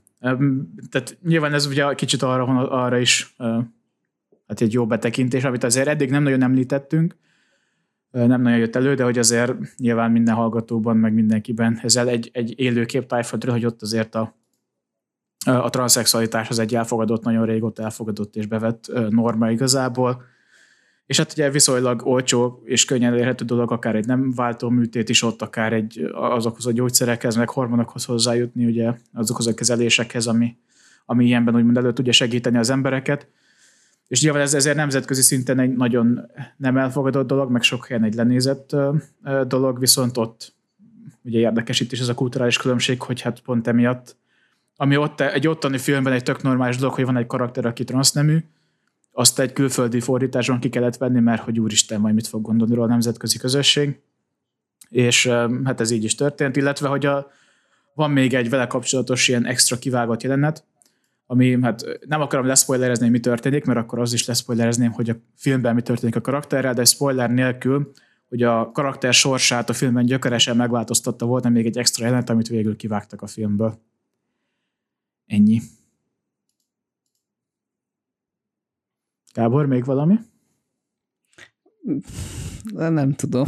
Hogy most lesokkolt ez a, ez a transzexuális Igen, én, én, én, én, nem, nekem nem tűnt fel, hogy ez a néni igazából bácsi. Pedig még a színész is az, nem hogy csak a, nem hogy csak a karakter. Hát a, a, a későbbiekben lesz szó erről, de tehát a sőt a következő filmben lesz szó erről, ott, ott jobban, jobban feltűnt a dolog. Igen. Akkor menjünk egy, is tovább? Egy, ez, ez, ez, ez igen, tehát ez egy egynek jó film, nagyon látványos, volt rá több pénz, nézzétek meg nyugodtan, ártani nem árt senkinek, maximum elmentek tájboxolni. Igen. Hát ezt kb. mondhatjuk úgy, hogy ez egy ötször annyi büdzséből készült ongbak igazából. Nagyon lesarkítva. Igen. Na jó, akkor a következő filmünk az hát szintén haladunk tovább egy kicsit a harcművész vonalon. A Prayer Before Dawn nevezetű film fog most következni, ami szintén egy koprodukció egyébként. Hát az biztos, hogy tájföldi, de azon túl talán angol, meg mindjárt puskázok. Hát szerintem kicsit Hollywood is benne volt, tehát így... E, e, igen, igen, volt benne Németország, volt benne Kína, Kambodzsa, az USA, meg, a, meg Anglia, meg Francia ország. Szóval ezek ilyen nagy, nagy mix volt ez a koprodukció, és hát nem tudom, hogy most jó adatokat nézek-e, de ha minden igaz, akkor a USA-i box office adatai összesen 15 ezer dollárt hozott a film, amit mindösszesen a nyitó hétvégén sikerült elérnie, és a, a világ szintű összbevétele az 1 millió dollár, Én nem tudom, hogy ez valós adat-e, de ha igen, akkor az nagyon, de nagyon, de irgalmatlanul szomorú. Na mindegy. Nem, nem, nem, nem ment nagyot ez a film, sajnos. Hát nem, pedig megérdemelte volna, de erre majd mindjárt kitérünk. Szóval Prayer Before Dawn, ez egy film, ami egy igaz történet alapján készült, nem is másról szól, mint Billy Moore angol boxolóról, aki, hát a, akinek a tájföldi bebörtönzését láthatjuk. Ő egy a, tájföldi amatőr tájboxolóként, vagy tájföldön egy amatőr tájboxolóként hát működött egy darabig, és hát emellett ugye hát drogos is volt, meg hát ilyen drogkereskedő tevékenységeket is folytatott, és a film elején láthatunk egy ilyen rendőri rajtaütést, és hát igazából már a tizedik percnél bent is vagyunk a börtönben. És hát innentől azt követhetjük szemmel, hogy Billy ugye hogy illeszkedik be egy számára teljesen ismeretlen társadalomba, egy, hát egy idegen országban, egy idegen nyelvet beszélő börtönrendszerbe igazából, és ugye ez, ez nagyon hamar ki is jön, tehát azonnal szinte nyelvi akadályba ütközik, ugye a nagyon sok börtönőr sem beszél angolul egyáltalán, vagy csak egy-két szót, a cellatársakból is egy-kettő, aki éppen, hogy tud angolul el, elkaratyolni, de egyébként, egyébként nagyon nem, nagyon, nagyon ritka az, hogyha bárki is tud, és akkor folyamatosan hogy tolmácsolnak vele, stb. a cellatársak. És nekem az, az is nagyon tetszett, hogy ezt a rendezéssel is, meg a meg, tehát egyrészt magával a rendezéssel is tök jól érzékeltették azt a fajta káoszt, ami a a szereplő átéletet, másrészt pedig ugye feliratozás sem volt. Tehát amikor ugye tájnyelven beszéltek, akkor neked az égvilágon semmi kapaszkodód nincsen, hogy mit mondanak éppen. És lehet, hogy éppen arról beszélgetnek, hogy milyen tök jó volt tegnap a mit tudom én, a kolbászos krumpla, amit kaptak a menzán, de lehet, hogy éppen arról beszélgetnek, hogy akkor most hogy vágják el a torkodat, meg hogy erőszakoljanak meg a budiban, és te ezt nem tudod, és a szereplő se tudja, és ezt nagyon, de erő, ezt nagyon erősen érzékeltetik, szerintem. Itt akartál mondani valamit egyébként? Nem. Nem, oké. Okay, Abszolút csak... egyetértek, igen. Már csak úgy hallottam, hogy mint meg akartam a szólani, de akkor lehet, hogy csak félre hallottam. Um, és hát ugye ezt, ezt, a, hát ezt a vívódását láthatjuk, itt azért eléggé durva dolgokon megy keresztül, tehát ugye az első éjszakáján együtt az egy hullával, többek között, meg hát nyilvánvalóan börtönben vagyunk, így hát a nem erőszak is terítékre kerül. Hát illetve azt, azt is te már is, te is említetted, vagy említettük az előbb, hogy hát itt is ugye a, a hát a kukis nénik, azok itt is előteret kapnak. Nyilván ez tájföldön egy, egy teljesen normális és bevett dolog, hogy, hogy, hogy léteznek transznemű nők, és hát nyilván pont emiatt az adottságok miatt ők a tájbörtönökben is ilyen hát exotikumnak számítanak igazából. Pont ezért egyébként be is mutatja a film, hogy ők ugye külön vannak elzárva. Nagyon sok mindent egyébként ők látnak el, tehát többek között ilyen ezt a boltot, ezt a közösségi, vagy nem tudom, milyen boltot is ugye ők üzemeltetik, meg hát előadásokat tartnak néha raboknak, illetve hát nyilvánvalóan prostitúciót is folytatnak a rabokkal, ahol cigi, cigiért, pénzért, meg éppen amiért lehet velük közösülést folytatni, hát nyilván ez a egy fokkal jobb, mint hogyha a férfinek kinéző szőrös izmos cellatársaddal csinálnád, annál egy fokkal nőiesebbnek néznek ki, ami, ha már más nincsen a, a kéznél gondolom, de hogy szóval ugye ez is többek között tematizálva van a filmben, mind a mellett, mind a mellett hogy a, a maga ez a tájföldi börtönlét is elég jól és élethűen és valósan van bemutatva, Hát vannak ilyen dokumentumfilm sorozatok, mint például a, talán a világ legkeményebb börtönei, azt hiszem ez a, ez a címe. Ugye ott is van szó tájföldi börtönökről, és hát azért elég sok áthallás van, elég sok hasonlóság van a közt, amit ugye itt bemutatnak. Illetve illetve illetve hát most nem tudom, mit akartam, mindegy majd eszembe jut. Szóval, tehát ugye szépen lassan ugye azt látjuk, hogy a Moore karaktere napról napra, hogy hát az túlzás, hogy jut feljebb, mert olyan nagyon fel soha nem jut egy társadalmi ranglétrán igazából, de azért mégiscsak látjuk, hogy azért a maga, maga a külföldi módján, amennyire a, a helyiek be, be, tudják fogadni azért ahhoz képest, hogy, hogy szenvedi túl magát a mindennapokon. Uh, itt ugye a film egy pontján, hát nem tudom, hogy spoiler, mert hogyha ismeritek a, a valós történetet, akkor tudjátok, hogy a valóságban is így történt, hogy beveszik a börtönnek a tájboxoló csapatába, és ugye ennek köszönhetően a Billy Moore mind a valóságban, mind a filmben első külföldiként harcolhat a börtönök közti Box bajnokságon, és hát a film végén pedig a Moore karaktere, vagy Moore, mint az igazi élő és lélegző Billy Moore is feltűnik a filmben, mint a filmbéli Billy Moore-nak az apja. Um, igen, az egy, az, az egy nagyon szép pillanat volt amúgy. Igen. Ez egy nagyon-nagyon hatásos és erős film. Engem azért, én, emlé- én ezt nem akartam visszanézni. Tudom, hogy én ajánlottam be az adásba, mert egy nagyon jó film. Viszont ezt tudom, hogy engem annak idején eléggé felkavart, és ezért nem így gondolkoztam rajta, hogy majd emlékből beszélek róla.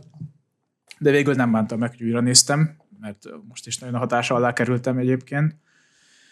És hát tényleg, tehát azok a borzalmak, azok a szörnyűségek, amiket, amiket látsz, és, és amilyen egy ilyen, egy ilyen börtönélet. És, és ebben az az ijesztő igazából, hogy ez a valóságban is ilyen. Ez tényleg ilyen a valóságban.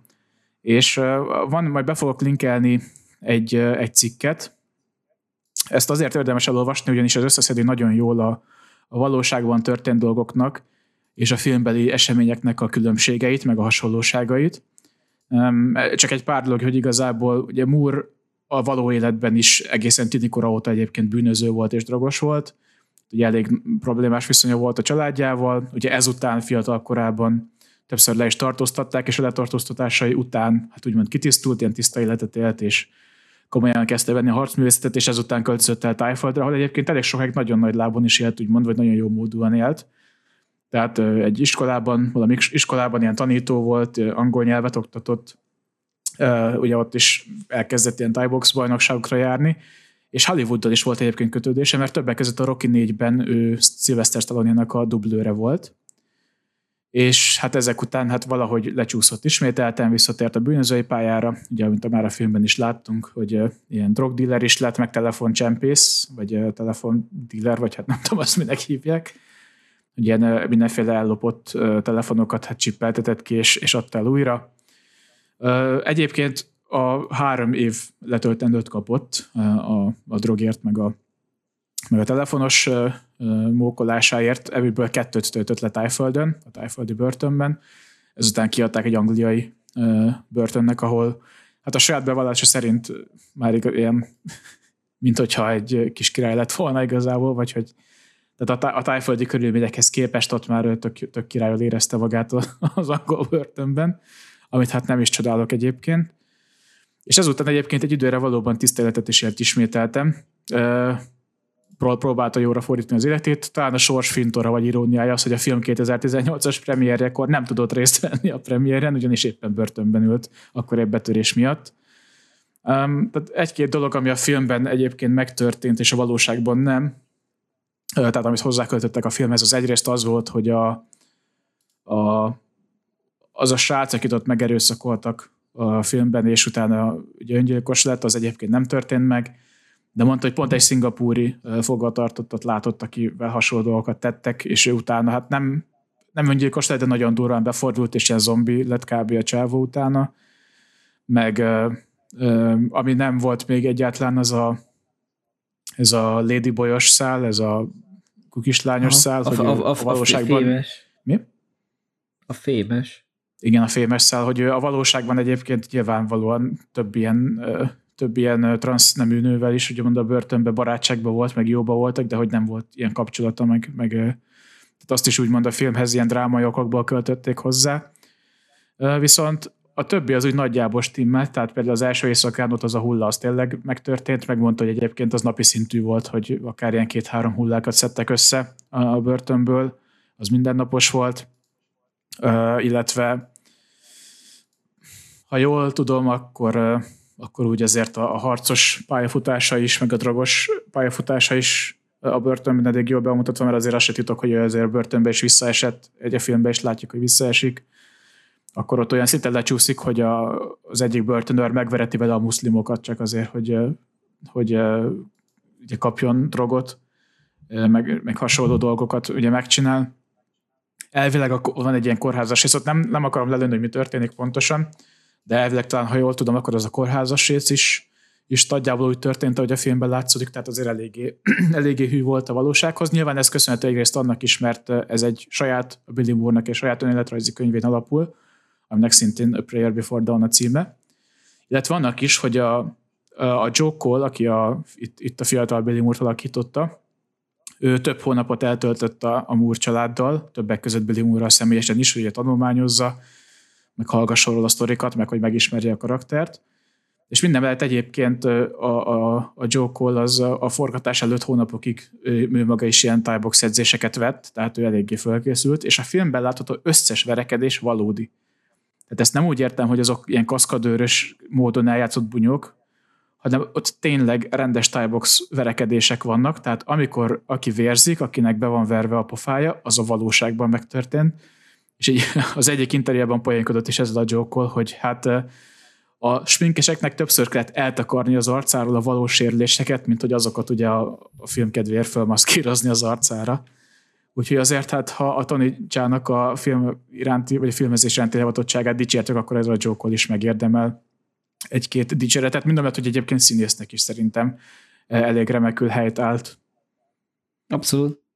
Um, ja, és még egy nagy érdekesség, aztán majd azt átad, és át is adom a szót, az pedig az, hogy a filmben szereplő minden egyes fogvatartott, az valóságban is egy ilyen ex-börtön töltelék volt, tehát, való, tehát valódi, valódi börtönviselt emberek játszották az összes létező fogvatartottat a filmben.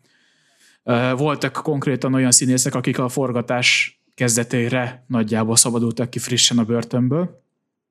Úgyhogy ez is hozatott az, hogy amiket ott látta, azok azért nem csak azért tűntek élethűnek, mert jól megcsinálták, hanem mert a, a legtöbben, akik eljátszották őket a valóságban, és átélték ezeket, úgyhogy pontosan tudták, hogy hogy zajlik egy ilyen. Többek között ugye kiemelném a cella felelőst, a Kenget, amit, aki, hát ha, ha például láttátok a valamelyik részét akár ennek, ezeknek a dokumentumfilm sorozatnak a a világ legkeményebb börtönének, ugye ott is nagyon sok börtönben bemutatják ezt, hogy olyan szintű a káosz, meg olyan szintű a túlterheltség a börtönökben, hogy sokszor ugye a börtönőrök nem tudnának mit kezdeni, ezért sokszor nem is ők tartják volna a rendet, hanem valóban ilyen cellafelelősök vannak, meg körzetfelelősök vannak, meg stb. Tehát úgy, úgymond a rabok önmaguk között kialakítanak ilyen hierarchiákat, és így tartják fenn a rendet. Tehát a, a börtönöröknek csak ilyen időszakosan a nagyobb, nagyon nagy bakik közben, vagy nagyon nagy gebaszok közben kell beavatkozni, és szerintem ezt is tök jól bemutatja a film. És hogy a, a Kengnek a karaktere, aki valóságban is Keng, a gangster neve a, a komának, ő ugye a filmnek a Káni Filmfesztiváli bemutatóján ott volt a, a, a, azon a premiéren, utána pedig nem sokra rá dragbirtoklás miatt újra lecsukták, és hát amennyire láttam, majd ezt is belinkelem, nagyjából egy éve szabadulhatott, tehát 2021 környékén, vagy csak 2020 vége fele, ugyanis azóta van YouTube csatornája, és azóta egy éve aktívan tölt fel tartalmakat, úgyhogy ha valakit ez érdekel, akkor, akkor majd ezt belinkelem ezt a YouTube csatornát. Na, és akkor Gábor át is adom a szót. E, engem érdekel, tehát én már ezt most, most mondom. Már linkedin is. Hogy, hogy ez, ez biztos, hogy érdekelni fog. Ö, igen, nekem tényleg ez, ez nagyon nyers volt ez a film. Ö, egy nagyon elgondolkodtató és nagyon szürreális dolog, hogy ugye mi európai emberkék javarészt csak az amerikai típusú szupercellát, vagy a szökés sorozatból ismerhető amerikai jellegű egy, egy cella, két emberes börtönvilágot látjuk folyamatosan. Ugye most itt ez, ez nem így néz ki, tehát ugye a, amit Zsolt is mondott, hogy volt cella felelős, itt ezt ne, ne úgy értsétek, hogy a cella felelős az, tehát itt beraktak embereket egy, egy viszonylag nagy szobába. Hát és 70-en voltak ott egy helyen, abban a kis szobában. Igen, és itt ne, tehát egy, egy, egy, egy helyiségben voltak bent többen, és a földön aludtak papíron, vagy hát nem papíron, ilyen, ilyen lepedő volt alattuk, és ennyi. Mindenkin, mindenkin volt egy rövid nadrág, azt, és ennyi. És, és így, így léteztek egymás mellett az emberek. Itt látunk is egy, én amúgy nem, nem tudtam eldönteni, hogy most a Billit azt, azt nem erőszakolták meg, vagy tehát, hogy az, az, ott volt egy ilyen rész, tehát nem tudtam eldönteni, hogy most mi a tököm lesz itt, hogy de az is szürreális, hogy este elmész pisálni, és akkor uh, négyen melletted megraknak egy srácot, és a harmadik ember, vagy oda megy, és egy kést rak a szemethez, és nagyjából ott fejmagasságban mellette történik az egész, úgyhogy te nem, nem csináltál semmit, csak pont szarkol keltél fel hajnalba. Ez, ez, ez extra volt. Ugye itt is ment a, a börtöni kereskedelem, meg hogy ugye milyen gyorsan elővettek mindenkit. Ugye volt egy, volt egy incidens, hogy ugye egyrészt a rabok leszereltek egy egy ilyen ventilátorlapátot, és utána megöltek valakit, és így körbejártak, hogy hol a penge, mert hogy abból fegyvert lehet készíteni. Uh, ahogy mondtad, tényleg nagyon átadta ezt a szürrealitást, ugye, amit, amit érezhetett a Billy. Tehát nem értesz semmit, nem tudod, miről beszélnek, talán, talán néha a gesztusokból így össze lehet jönni, amikor éppen tiszta vagy. Tehát ugye a Billy az, az, az uh, heroint is tolt, de ugye nem, nem uh, vénába, hanem hanem uh, ugye szívta, volt bent egy ilyen drog, az a, az a jabá, az, az is ment, uh, és, és hogy mi az, amit, amit nem szégyelnek ezek. Tehát, hogy látod, hogy itt minden, ami papír volt, abból, abból valahogy valamit szívtak. Ugye volt bent cigi, ami ugye bent egy kereskedelmi eszköz, az, az, is, az is tök jó, meg hogy mennyire ez a börtöntetkós rész, ez, ez tök jó volt nekem, hogy ugye az a táj jellegét adta. Kicsit, kicsit úgy éreztem, hogy ilyen, ilyen Yakuza-szerű dolog volt, főleg ott a Billy is kapott ott a boxolók között egy ilyen tigris börtöntetkót a hátára. Nem, egyébként a... ez nem börtöntetkó, feltétlenül, hanem hogy ezt a, a buddhisták, tehát a tájföldön a buddhist életlemnek a hát, része. Meg a, meg a jakuzák, a jakuzák is ugyanígy csinálják. Ja, igen, csak ugye mondom, hogy itt a tájföldön ez, ez, nem csak börtön, Aha. hanem tehát itt Szingapurban is ilyen buddhisták csomószor elmennek tájföldre, és tetováltatnak ilyeneket magukra. Ezek elvileg ilyen áldások, tehát nagyon sok táj, tájboxolónak ugye vannak ilyen ilyen tetkói, mert ugye úgy ez a hiedelmük, hogy a tetkó mondjuk, hogy egy, egy tigrist, vagy valamit rád tetoválnak, akkor annak az erejét úgymond átveszed, és akkor ez segít a harcba, meg stb. Aha, aha, értem.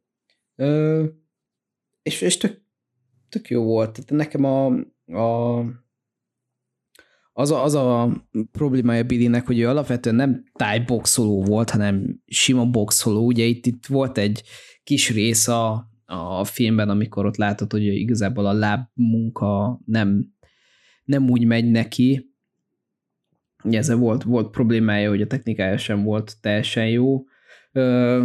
Én örültem volna, hogy egy kicsit kapunk több infót arról, hogy hogy, hogy került ide, mert ugye úgy indítunk, hogy egy, egy kisrác segít neki felkészülni egy meccsre, ahol eszméletlenül kikap, aztán elmegy meccs után, és ugye a drog használatot azt, azt ilyen kaotikusan, képi, képi, képi ábrázolással mutatták meg neked, tehát teljesen szürreális volt, hogy azért, azért érezt, tehát én sokszor azt éreztem, hogy fogalmam sincs, mi történik, mert hogy nem volt tiszta a, a Billy Hát ez valószínűleg így volt a valóságban is egyébként. Igen, igen, és, és ugye van egy rész, amikor lerakja a drogot, és akkor ott, ott elindul egy cselekmény, ott, ott látható, hogy a film világa is rendezettebbé válik, hogy folyamatosan egymás követik a jelentek úgy, ahogy kell, nincs kisebb-nagyobb szünet, egyszerűen meg nagyon jól bejön az, hogy egyszerűen nem tudod eldönteni, mennyi idő telik el. A, a Billy az teljesen zakkant, nem tudja, hogy mi van, pánikruhamai vannak, elvonási tünetei vannak, tök szorul van, van, van rajta egy, tehát fizikailag is szerintem ez egy tök, tehát a Joe Cole, ugye a film elején eszméletlenül jó formában volt, teljesen ki volt baszva, látott minden, tehát mint aki életszerűen rendesen él, és, és hát, normálisan táplálkozik, sportol, sportol, stb. És utána, utána nagyon összeestek a, az izmai, teljesen el, eltűntek, nagyon sokat fogyott arcból, uh, szürreális volt, hogy például amikor fájdalomcsillapítóért ment, és nem kapott, akkor, akkor simán neki ment embereknek. Uh, illetve még itt, itt a uh, tranzi nőkhöz annyit, hogy tehát ez nem szerintem nem úgy értetted, hogy tök oké, hogy ott az embereknek, az emberek nőként pöccsen rohangálnak, hanem ugye ott a, abban a régióban, tehát Tájföldön, meg, meg ott a tehát a dél-ázsiai részben azért a hermafroditákból is jóval több van, tehát hogy ö, arányosan ö, sokkal nagyobb az elfogadottsága egy társadalomban, mert hogy régebb óta élnek úgy az emberek, tehát hogy ez nem, nem ilyen nagyobb is az ember létszám, és szerintem ezért van meg más, más a kultúra. Tehát itthon ez, ez nem, nem egy elfogadottabb dolog. Hát én szerintem azt uh, soha nem is mondtam, hogy ez otthon elfogadott, vagy nyugati szem, vagy a nyugati kultúrákban, én ezt kimondottam a tájföldre mondtam, szerintem egész igen, is, tehát, hogy igen, itt ez igen. egy normálisabb dolog, tehát itt ez a hétköznapi élet része, és ez így van, tehát én, mint aki voltam ott is, ezt alá tudom támasztani, hogy bemész egy boltba, akkor az adó simán lehet. Vagy a, mit a piacon elmész egy kajádába, egy ilyen piaci, ilyen nyílt kajádába, akkor aki ott éppen főzi ben hátul, az simán lehet transzisztita, és ez, a, ez tök normális. Tehát én nekem is volt olyan, hogy bementem egy nyilvános WC-be, jöttem ki, és velem szembe két ilyen transvestita sétált be éppen a dolgát végezni. Tehát, hogy úgy értem ezt, hogy ez ott elfogadottan meg normálisabb, hogy ez a való életnek a része, úgymond. Igen, ez a, ez a követ, következő filmünkben is lesz erre egy poén. Most ezt Jó. Igen, ezt az, az, új, igen, tudom. Na jó. Ja, még egy, egy, egy triviát hagytam ki, hogy aki a, az edzőjük volt, a, a box csapatnak a börtönben az edzője volt, ő a valóságban a Somluk Kamsing nevezetű ember, aki a 96-os olimpián pe és új boxolásban aranyérmes volt. Uh-huh. Hát, mondjuk nekem az, na az a börtöni boxmester, aki tanítja a srácokat verekedni, úgy, hogy közben cigizik, tehát hogy az, az, az annyira, annyira gettó és, és börtön, tehát ennél jobban nem tudod. Lenyomni azt, hogy egy, egy sportedző, egy sportember a börtönben cigizik, miközben edzést tart, tehát hogy ezen, ezen meghaltam, ez nagyon kész volt. Meg, meg tényleg ott ö, ö, egyrészt nem értettem, Na. Uh, és arra, arra még egy picit beszéljünk, aztán mehetünk tovább, hogy volt egy rész, amikor ugye már kiszakadt a, a, a cellából. A kis cellájából, és ugye ott a boxolókkal együtt izoláltan élt. Igen. Uh, és egyszer a semmiből megtalálták, uh, és ott az éces tűs jelenetre gondolok, Aha. hogy, hogy az, az, az, az honnan jött, hogy pénzt, pénzt akartak tőle, az, az. Az annyira nem volt felépítve, tehát hogy nem, nem, nem is nagyon találkozott már a volt cellatársaival. Nem tudom, hogy az honnan jött, én így belelátni, ugye nyilván azt tudom, hogy, hogy valószínűleg, tehát hogy ők azért annyira nem, tehát ők azért kinézték mindig, meg ők ugye az elejétől kezdve pénzt kértek tőle, meg ő tartozott azért nagyon sok embernek ott, tehát többek között a, a Faithnek, vagy, vagy hogy hívták, Fémnek Fém. a a mint, nem vasfém, nem, hanem fém, híresség. Nem, nem vas, hanem mint hírességfém. Igen, tehát hogy neki is azért rengeteg cigi, kartoncigit lenyúlt tőle. Ugyanígy azért, ugye ott, amikor a, bekerült, és nem volt nála pénz, akkor is azért ott elég sok drogot elszívott a, a cellatársakkal, tehát én ezt tudom ugye elképzelni, hogy hát azért ott nyilván vezetik a börtönbe ezeket a tartozásokat, az nem csak úgy van, hogy, hogy csak úgy elévülnek.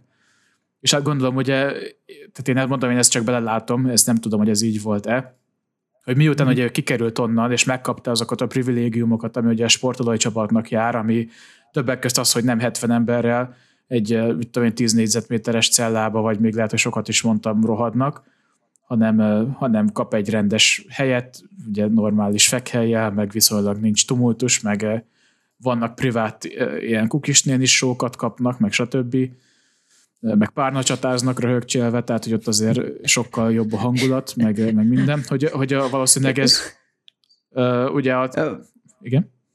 De ez, ez a párnacsatás résznél, tehát hogy volt egy rész, a párnacsatáztak, és ott, ott ugye nem olyan WC-k vannak, mint itt, hanem igazából így deréktájnál körbe vagy csempészve van egy kis legő ajtó, és ott látod, hogy két csávót kulázott háttérben, és újságot olvasott.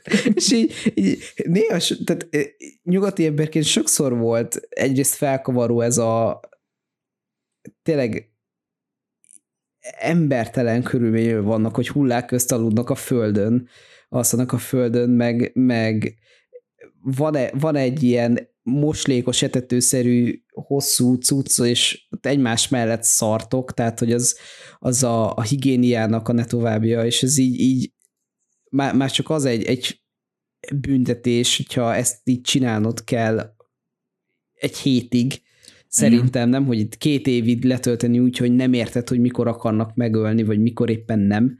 Igen, és egyébként amennyire tudom, autentikus helyszínt, tehát ha jól, jól tudom, akkor egy valós elhagyatott börtön épületbe forgatták a filmet, ami már igen, nem üzemelt igen. akkor. Ugye plusz volt még egy jelenet, amit meg egy, ugye a, a, vég, a, talán a végső box match, hogy azt pedig a Fülöp-szigeteken egy szebb új börtönbe forgatták, de, de azon kívül ah. egy valós hát volt úgymond egy már nem üzemben levő börtönben volt. És azért ott például a magánzárka, hát na, az kegyetlen. Tehát az a, a, a kis lukra a, az, az a kis elején? lukacska, igen, ahova bezárják. Fú, kegyet. Tehát ez tényleg hát embertelen. Igen. Na, és embertelen a következő filmünk, az utolsó filmünk egyben mára, a Shutter. Mesélj, kedves Gábor. még egy, még egy táj horror, ami azért itthon talán egy, egy kicsit ismertebb, ha, ha csak esetleg követitek az Otherworld, az ott már volt, a, van a Gorefest rovat, amit én, én még mindig nézek, tehát hogy az egy, ez egy tök jó kis horror, horror rovat, hogyha egy, mi nem gyártunk tartalmat horror adásokról, akkor azt, azt tudom ajánlani ott is többször beszéltek róla, hogy ez egy, ez egy tényleg egy kultabb film. Van egy 2008-as amerikai remake, ez egy 2004-es film, egy, egy nagyon érdekes sztorival.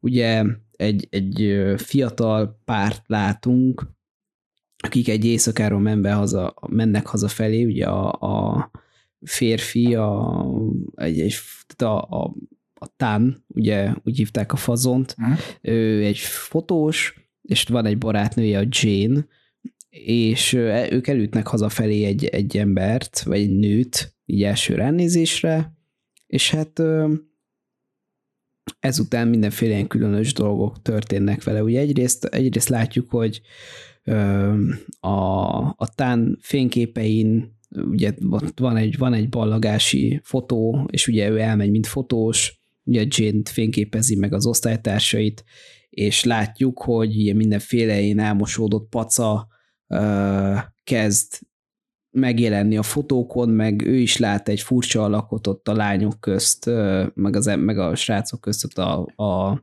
csoportképen. Egy sötét alak. És hát, és hát igen, egy sötét alak, és ugye innen indul a film, ezt próbálják felderíteni, hogy mi történik,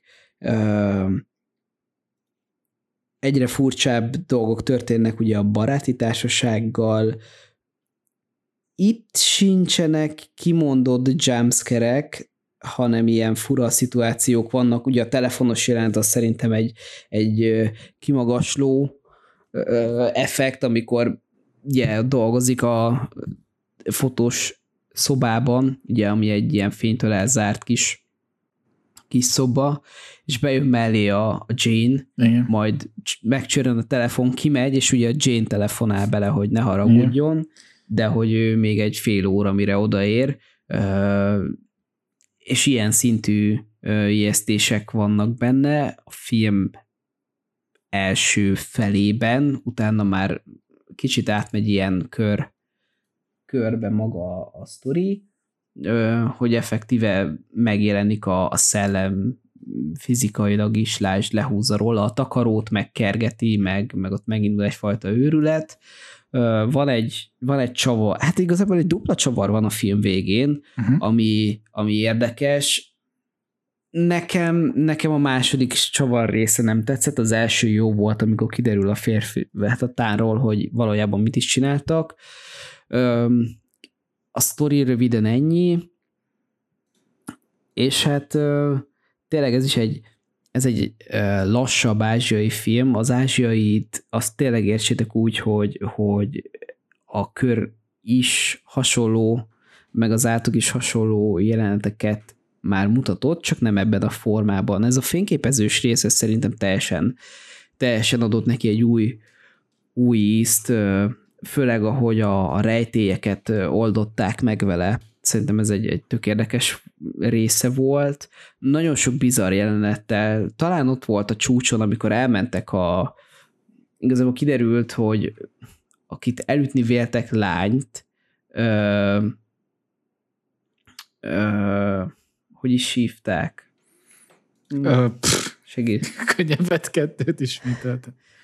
Na mindegy, volt a, volt a lány, akit, akit szerintük elütöttek, és ö, kiderül, hogy mintha életben lenne, ja, az a baj egyébként, hozzá. Ja, bocsánat, az a baj egyébként, hogy, hogy az IMDb azért sem segít, mert az összes létező filmnél egyik rohadt színésznél sincs kép. És én abból, Igen. hogy Menk, meg Ton, meg Notre, meg, man, meg Men 1, meg Men 2, meg Nurse 1, ezekből halvány a fingom nincs, hogy egyébként ki ki akar lenni, úgyhogy ezért sem tudom így utólag megmondani, hogy kinek ki volt a neve, de ez szörnyű. Ah, igen. ugye elmennek ott az anyukájához, és az a nő, ugye a, a, a tán, hát volt, kiderül, hogy ez a volt barátnője, és hogy vele talán történt valami, de ő eltűnt az egyetemről. Az anyukája az, az para. Uh-huh. Tehát azokkal a hatalmas szemekkel tök creepy. Ö, nem tudom, az, az nagyon nyugtalanító volt maga, maga a néni, Ö, meg ja, itt is előjönnek a tipikus horror hülyeségek, hogy nem beszélnek, a velük ért történésekről egymással, holott, holott egyszer beszélnek róla, hogy mi történt, mert ugye, hogy mind a ketten látták a, a csajt, amikor elütötték. Igen. Öm, tehát egyszer beszélnek róla, utána megint nem. A, a csávónak problémái vannak, mert fáj a nyaka, meg, meg ö, tényleg ez ugye a fotós rész, hogy nem tudja eldönteni, most a gépe rossz, vagy, vagy ez egy visszatérő dolog. A csajnak is egyre, egyre rosszabb a közérzete, tehát hogy ez a spirituális szell, ez a szellem, amit, amit ők vélnek látni, ez egyre, egyre jobban um, megviseli őket, mind mentálisan, mind fizikailag, tehát egy picit ők is épülnek lefelé, és utána kiderül a filmben egy csavar, meg utána lesz még egy csavar, ne, nekem a második nagyon nem működött. Nem, az, az, az inkább nevetséges volt már. Igen, tehát az ijesztések nem...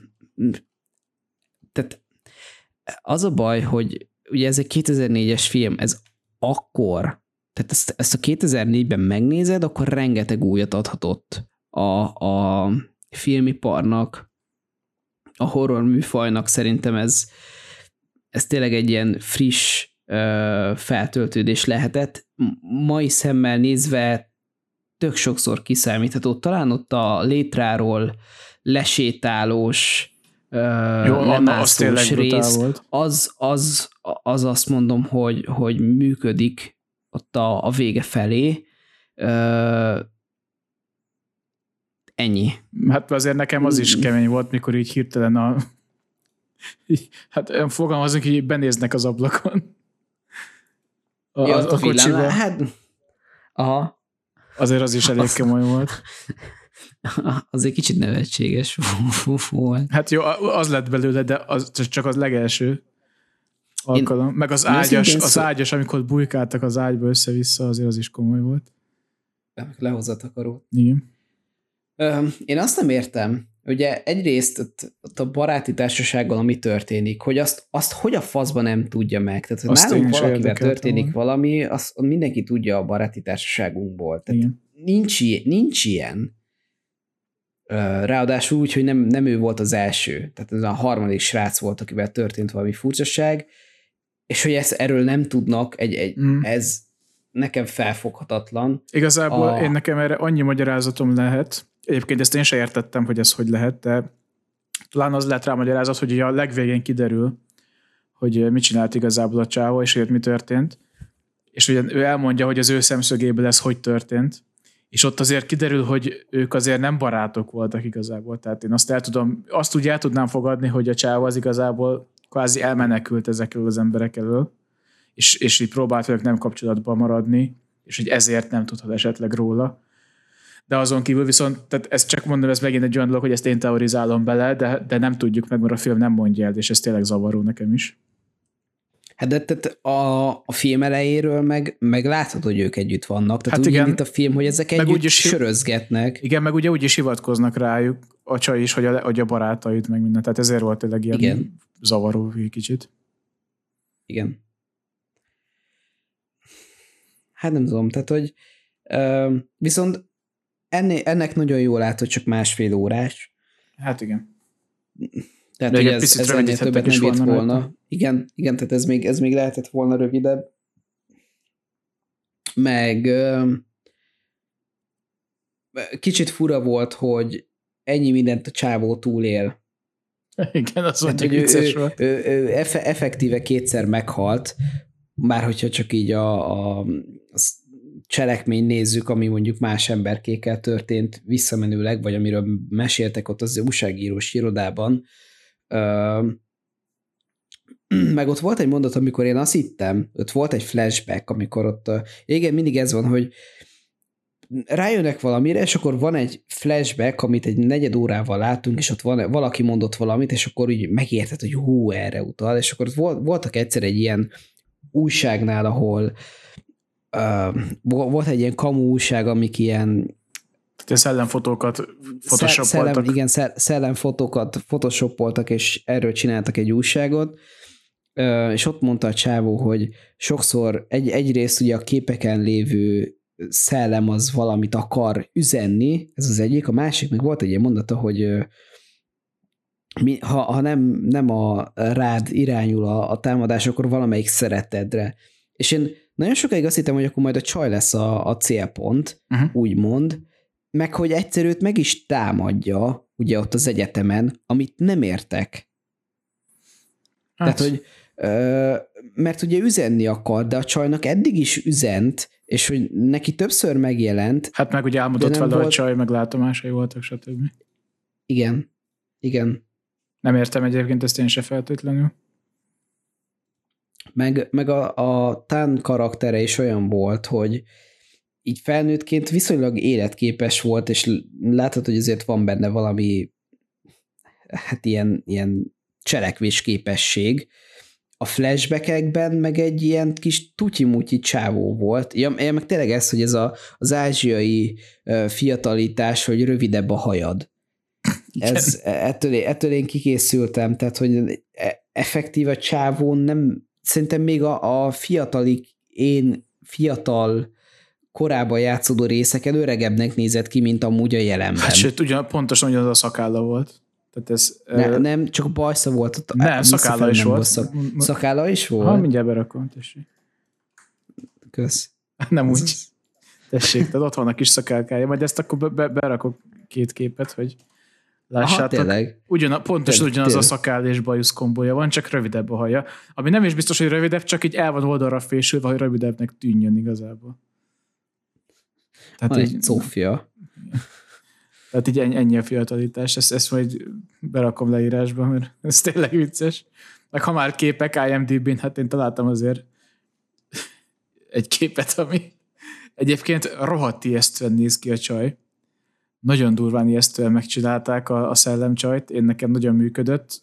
Azért ez volt, amikor ilyen creepy mosolygott, az volt, amikor bejött, volt, amikor már kicsit gagyi volt, meg nevetséges. De, de van egy darab jelenet, amin olyan szinten röhelyesen nézett ki, és én nem tudom eldönteni, hogy azért, mert így, hát ugye itt esik az eső, és hát szerintem azért, mert a színésznőről elkezdett lefolyni a smink, de ez ami annyira nevetségesen néz ki ez a kép, hogy ezt itt már beküldtem Skodinak, de ezt, ezt is felerakom a leírásba. Hát én, én ezen meghaltam. Tehát ez, ez nagyon kész ez a kép. Igen, igen, itt egy kicsit, kicsit lefolyt róla a festék.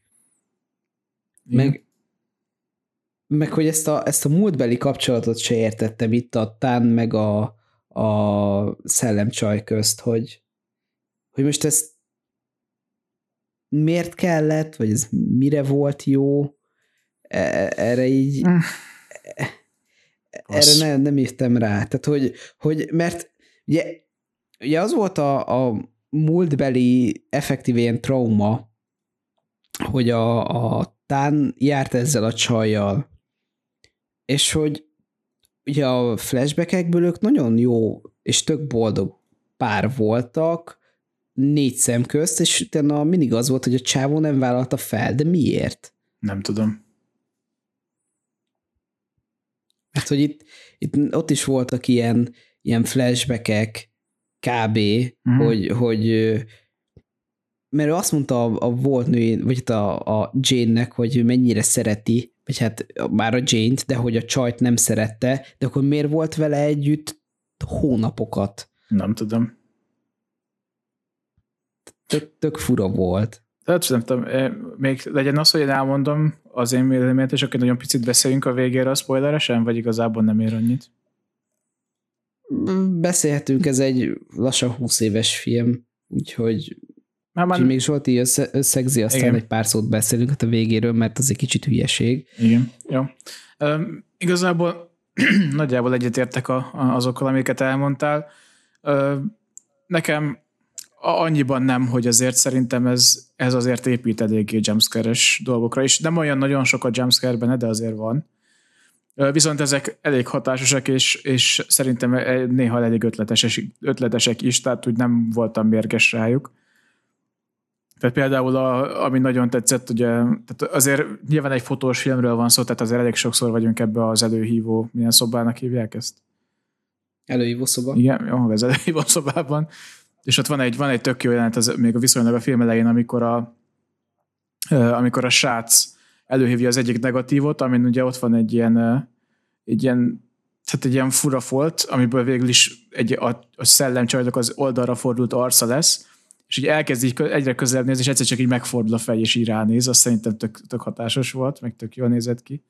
Um, igazából megmondom, hogy nekem az a kocsis bekukucskálás is tök, tök tetszett, meg hát valóban az a létrás jelenet az, az, az, az, az, tényleg süvegelendő.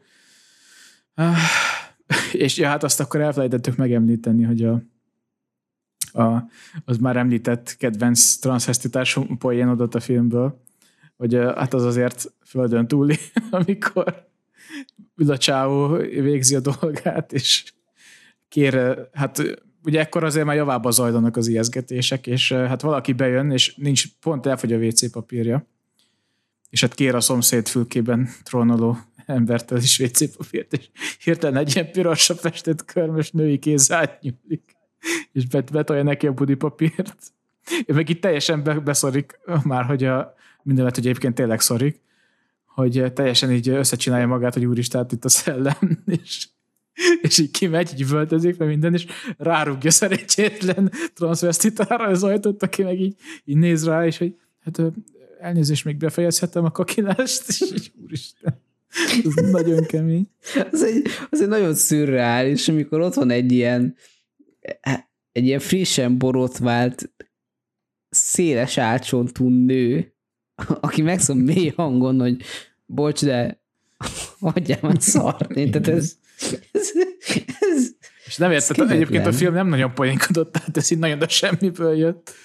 Igen, tehát ez az egy poén van benne, és, és ez viszont nagyon jó, tehát hogy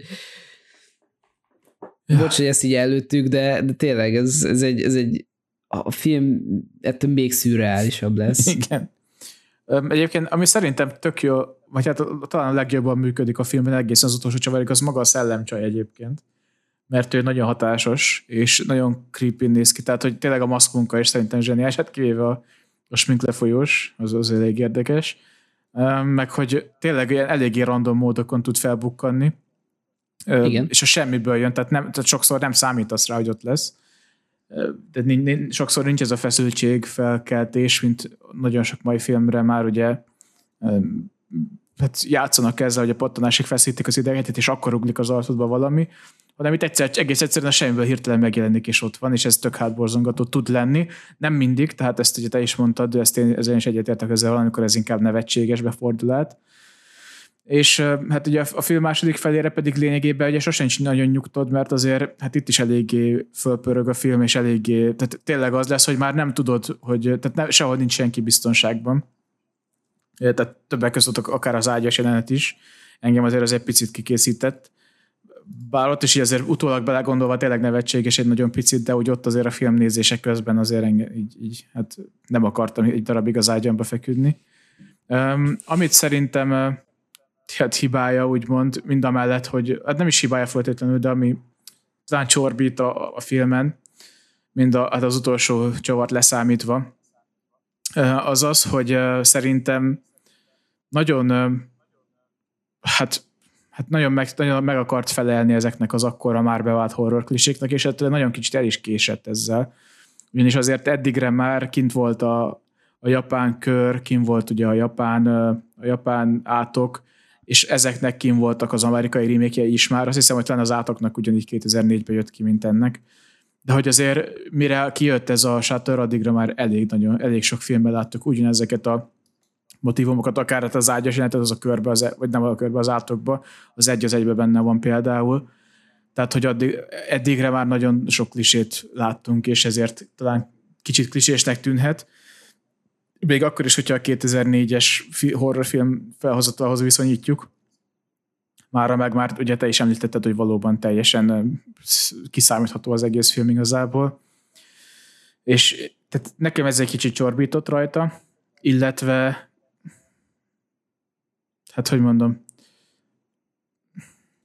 nem tudom, igazából tehát mindemellett azért annyiból talán dicsérném egy nagyon picit, hogy viszont ezt a kamerás előhívó, film előhívó, stb. részt viszont nagyon jól kidolgozta, mert talán azért láttunk olyat, hogy szellemek voltak fotókon elő más horrorfilmekben is, viszont itt azért ezt jól, jól kidolgozták, és, és adtak ennek egy nagyon jó hát, keretet, amiből Igen. többek között lett egy része 2008-as amerikai remake, lett előtte 2007-ben volt egy indiai remake, Sivi címen, vagy Sivi, nem tudom, és 2010-ben volt egy hindi remake, ami pedig a Click néven készült, ez mind a három hivatalos remake a, a Shutternek, és hát ez azért elég sok filmet úgy a szabadjára eresztett valóban ilyen kamerás horroros zsánerben. Többek között Tájföldön készült 2000, nem is tudom, 13-ban talán egy Shutter One című film, ami nyilván nem csak címében, de egyébként sztoriában is megszólalásig hasonlít erre a címre. Elvileg nem remake, de, azért elég erőteljesen veszi alapjául ezt a filmet is. És ez a 2004-es film egyébként Tájföldben, vagy Tájföldön, meg itt a dél régióban hatalmas siker volt annak idején, tehát a 2004-es év legnagyobb box office számokat produkáló filmje volt Tájföldben, vagy Tájföldön, nem tudom, miért beszélek így, és Dél-Kelet-Ázsiában is ö, nagyon nagy siker volt, és talán azért a nyugati világban annyira nem lett felkapott így először. Azt nem is tudom most így megsatszolni, vagy nem ismerem így megsatszolni mozikba, mennyire adták ezt annak idején. De hogy te is említetted, ennek ellenére, tehát Magyarországon is biztosan, mert már több forrásból hallottam én is erről a filmről, azért már egy, egy eléggé kult státusznak örvendő film. Mm, és szerintem azért, azért megérdemelt módon, még ha, még ha meg is vannak a maga hibái. És akkor szerintem most innentől akkor átváltanánk egy spoileres, spoileresebb kibeszélőre a film végéről. Úgyhogy aki, ne, aki esetleg még nem látta, így már 18 év távlatával ezt a filmet, és még szeretné, és nem szeretné a, a nagy csavart a film végén, a második csavart, meg hát igazából akár az elsőt is, mert azt se fejtettük, hogy micsoda, lelőni, az, az akkor most kapcsolja ki az adást, és nézze meg a filmet, és utána jöjjön vissza. A többiekkel pedig akkor folytatjuk. Na, Gábor, átadom a szót. Na, tehát, a, tehát az első ilyen hatalmas csavar itt a, a filmnél, ugye kiderül, hogy miért jött vissza ez a szellemlány, és kiderül, hogy valójában a, a Tán és a haverjai, hát igazából Tán haverjai őt egyszerűen megerőszakolták egy, egy éjszaka, és ezt a, ezt a traumát nem tudta feldolgozni. Másrészt ugye a Tán, aki elviekben a pasia volt, az ott állt mellette, és egyrészt végignézte, hogy, hogy ez így történik, másrészt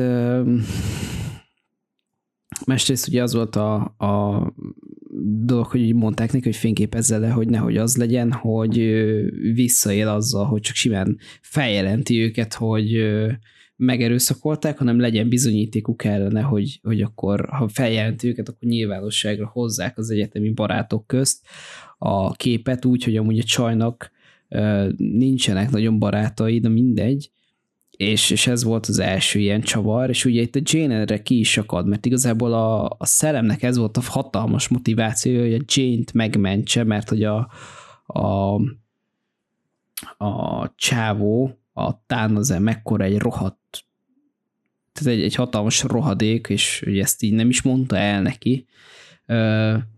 A második csavar meg igazából az volt, hogy a szellem már nagyon régóta őt kísértette, és a nyakában ült. Igen. Ennyi. Ja, hát az nevetségesen nézett ki. Na, majd ezt is berakom kép, vagy megjelölem spoileresen, vagy erről is be képet, hát ez röhelyesen néz ki. És ez a filmben is ugyanennyire röhelyesen nézett ki, tehát hogy így, így lovacskázik a csaja a szerencsétlen annak a nyakával. És tehát miután meghal szerencsétlen, és leesik, és már másodjára töri Szona, Szona meg széjjel magát, és már egy kb. ki van műtve a fél agya a csávónak, meg össze-vissza van foltozva a koponyája, és még akkor is ül a nyakában a szellem.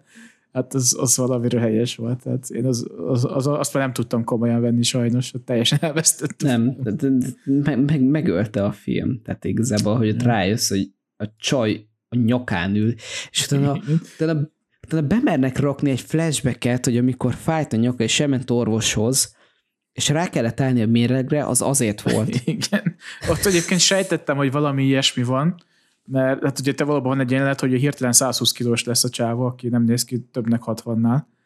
És hát volt egy ilyen sejtésem, hogy valószínűleg itt az, tehát azt nem sejtettem, hogy a nyakában lesz szellem, de hogy a szellem úgymond őt szállja meg, és hogy rá van valamilyen szinten kattanva, ez ott azért kicsit átjött, de azt azért nem gondoltam, hogy ez lesz belőle. Hát, na jó, na jó, de akkor azt, azt mondd nekem, hogy ugye elviekben az van, hogy az, a lélek, ami visszajön, ez, ez már többször is próbálták bizonyítani tudományosan, hogy a lelked az kb. 21 gram, tehát nem az kellett volna lenni, hogy egy csávó 21 grammal többet mutat, mint amúgy. Nem az, hogy még egy, egy 50 kilós csaj van rajta, ami még kétszer annyinak tűnik. Én nem tudom, de a nyakában nő Gábor. Jó, de attól még tehát maximum 50 kiló volt a csaj, a csávó meg 60, tehát hogy hát az még csak 100.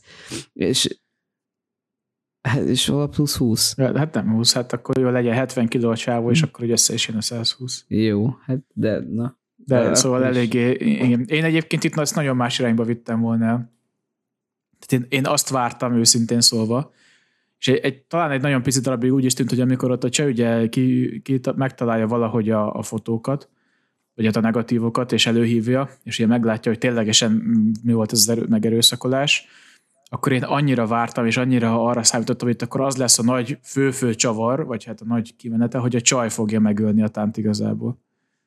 Hát és, én, igen. és akkor annyira van, de annyival jobb lett volna a film vége, és akkor azt mondtam, vagy tapsoltam volna örömömbe, hogy na ez egy kurva jó film volt. De ez, hogy hát így lovacskázik ugye, a nyakába a szellem, hát ez, úristen. Ugye vagy, vagy ez, vagy ez, ez lett volna jó, vagy az.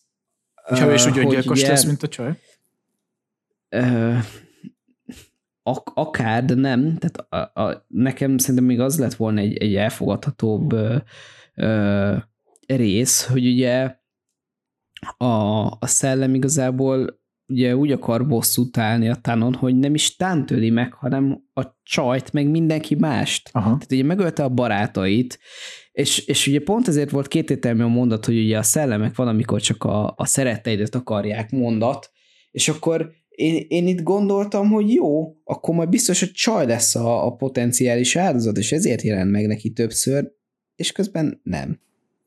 Meg én még egy dologra gondoltam, hogy egy pillanatig futott csak át kószán az, az agyamon a gondolat, amikor hirtelen eltűnik a csaj a semmiből.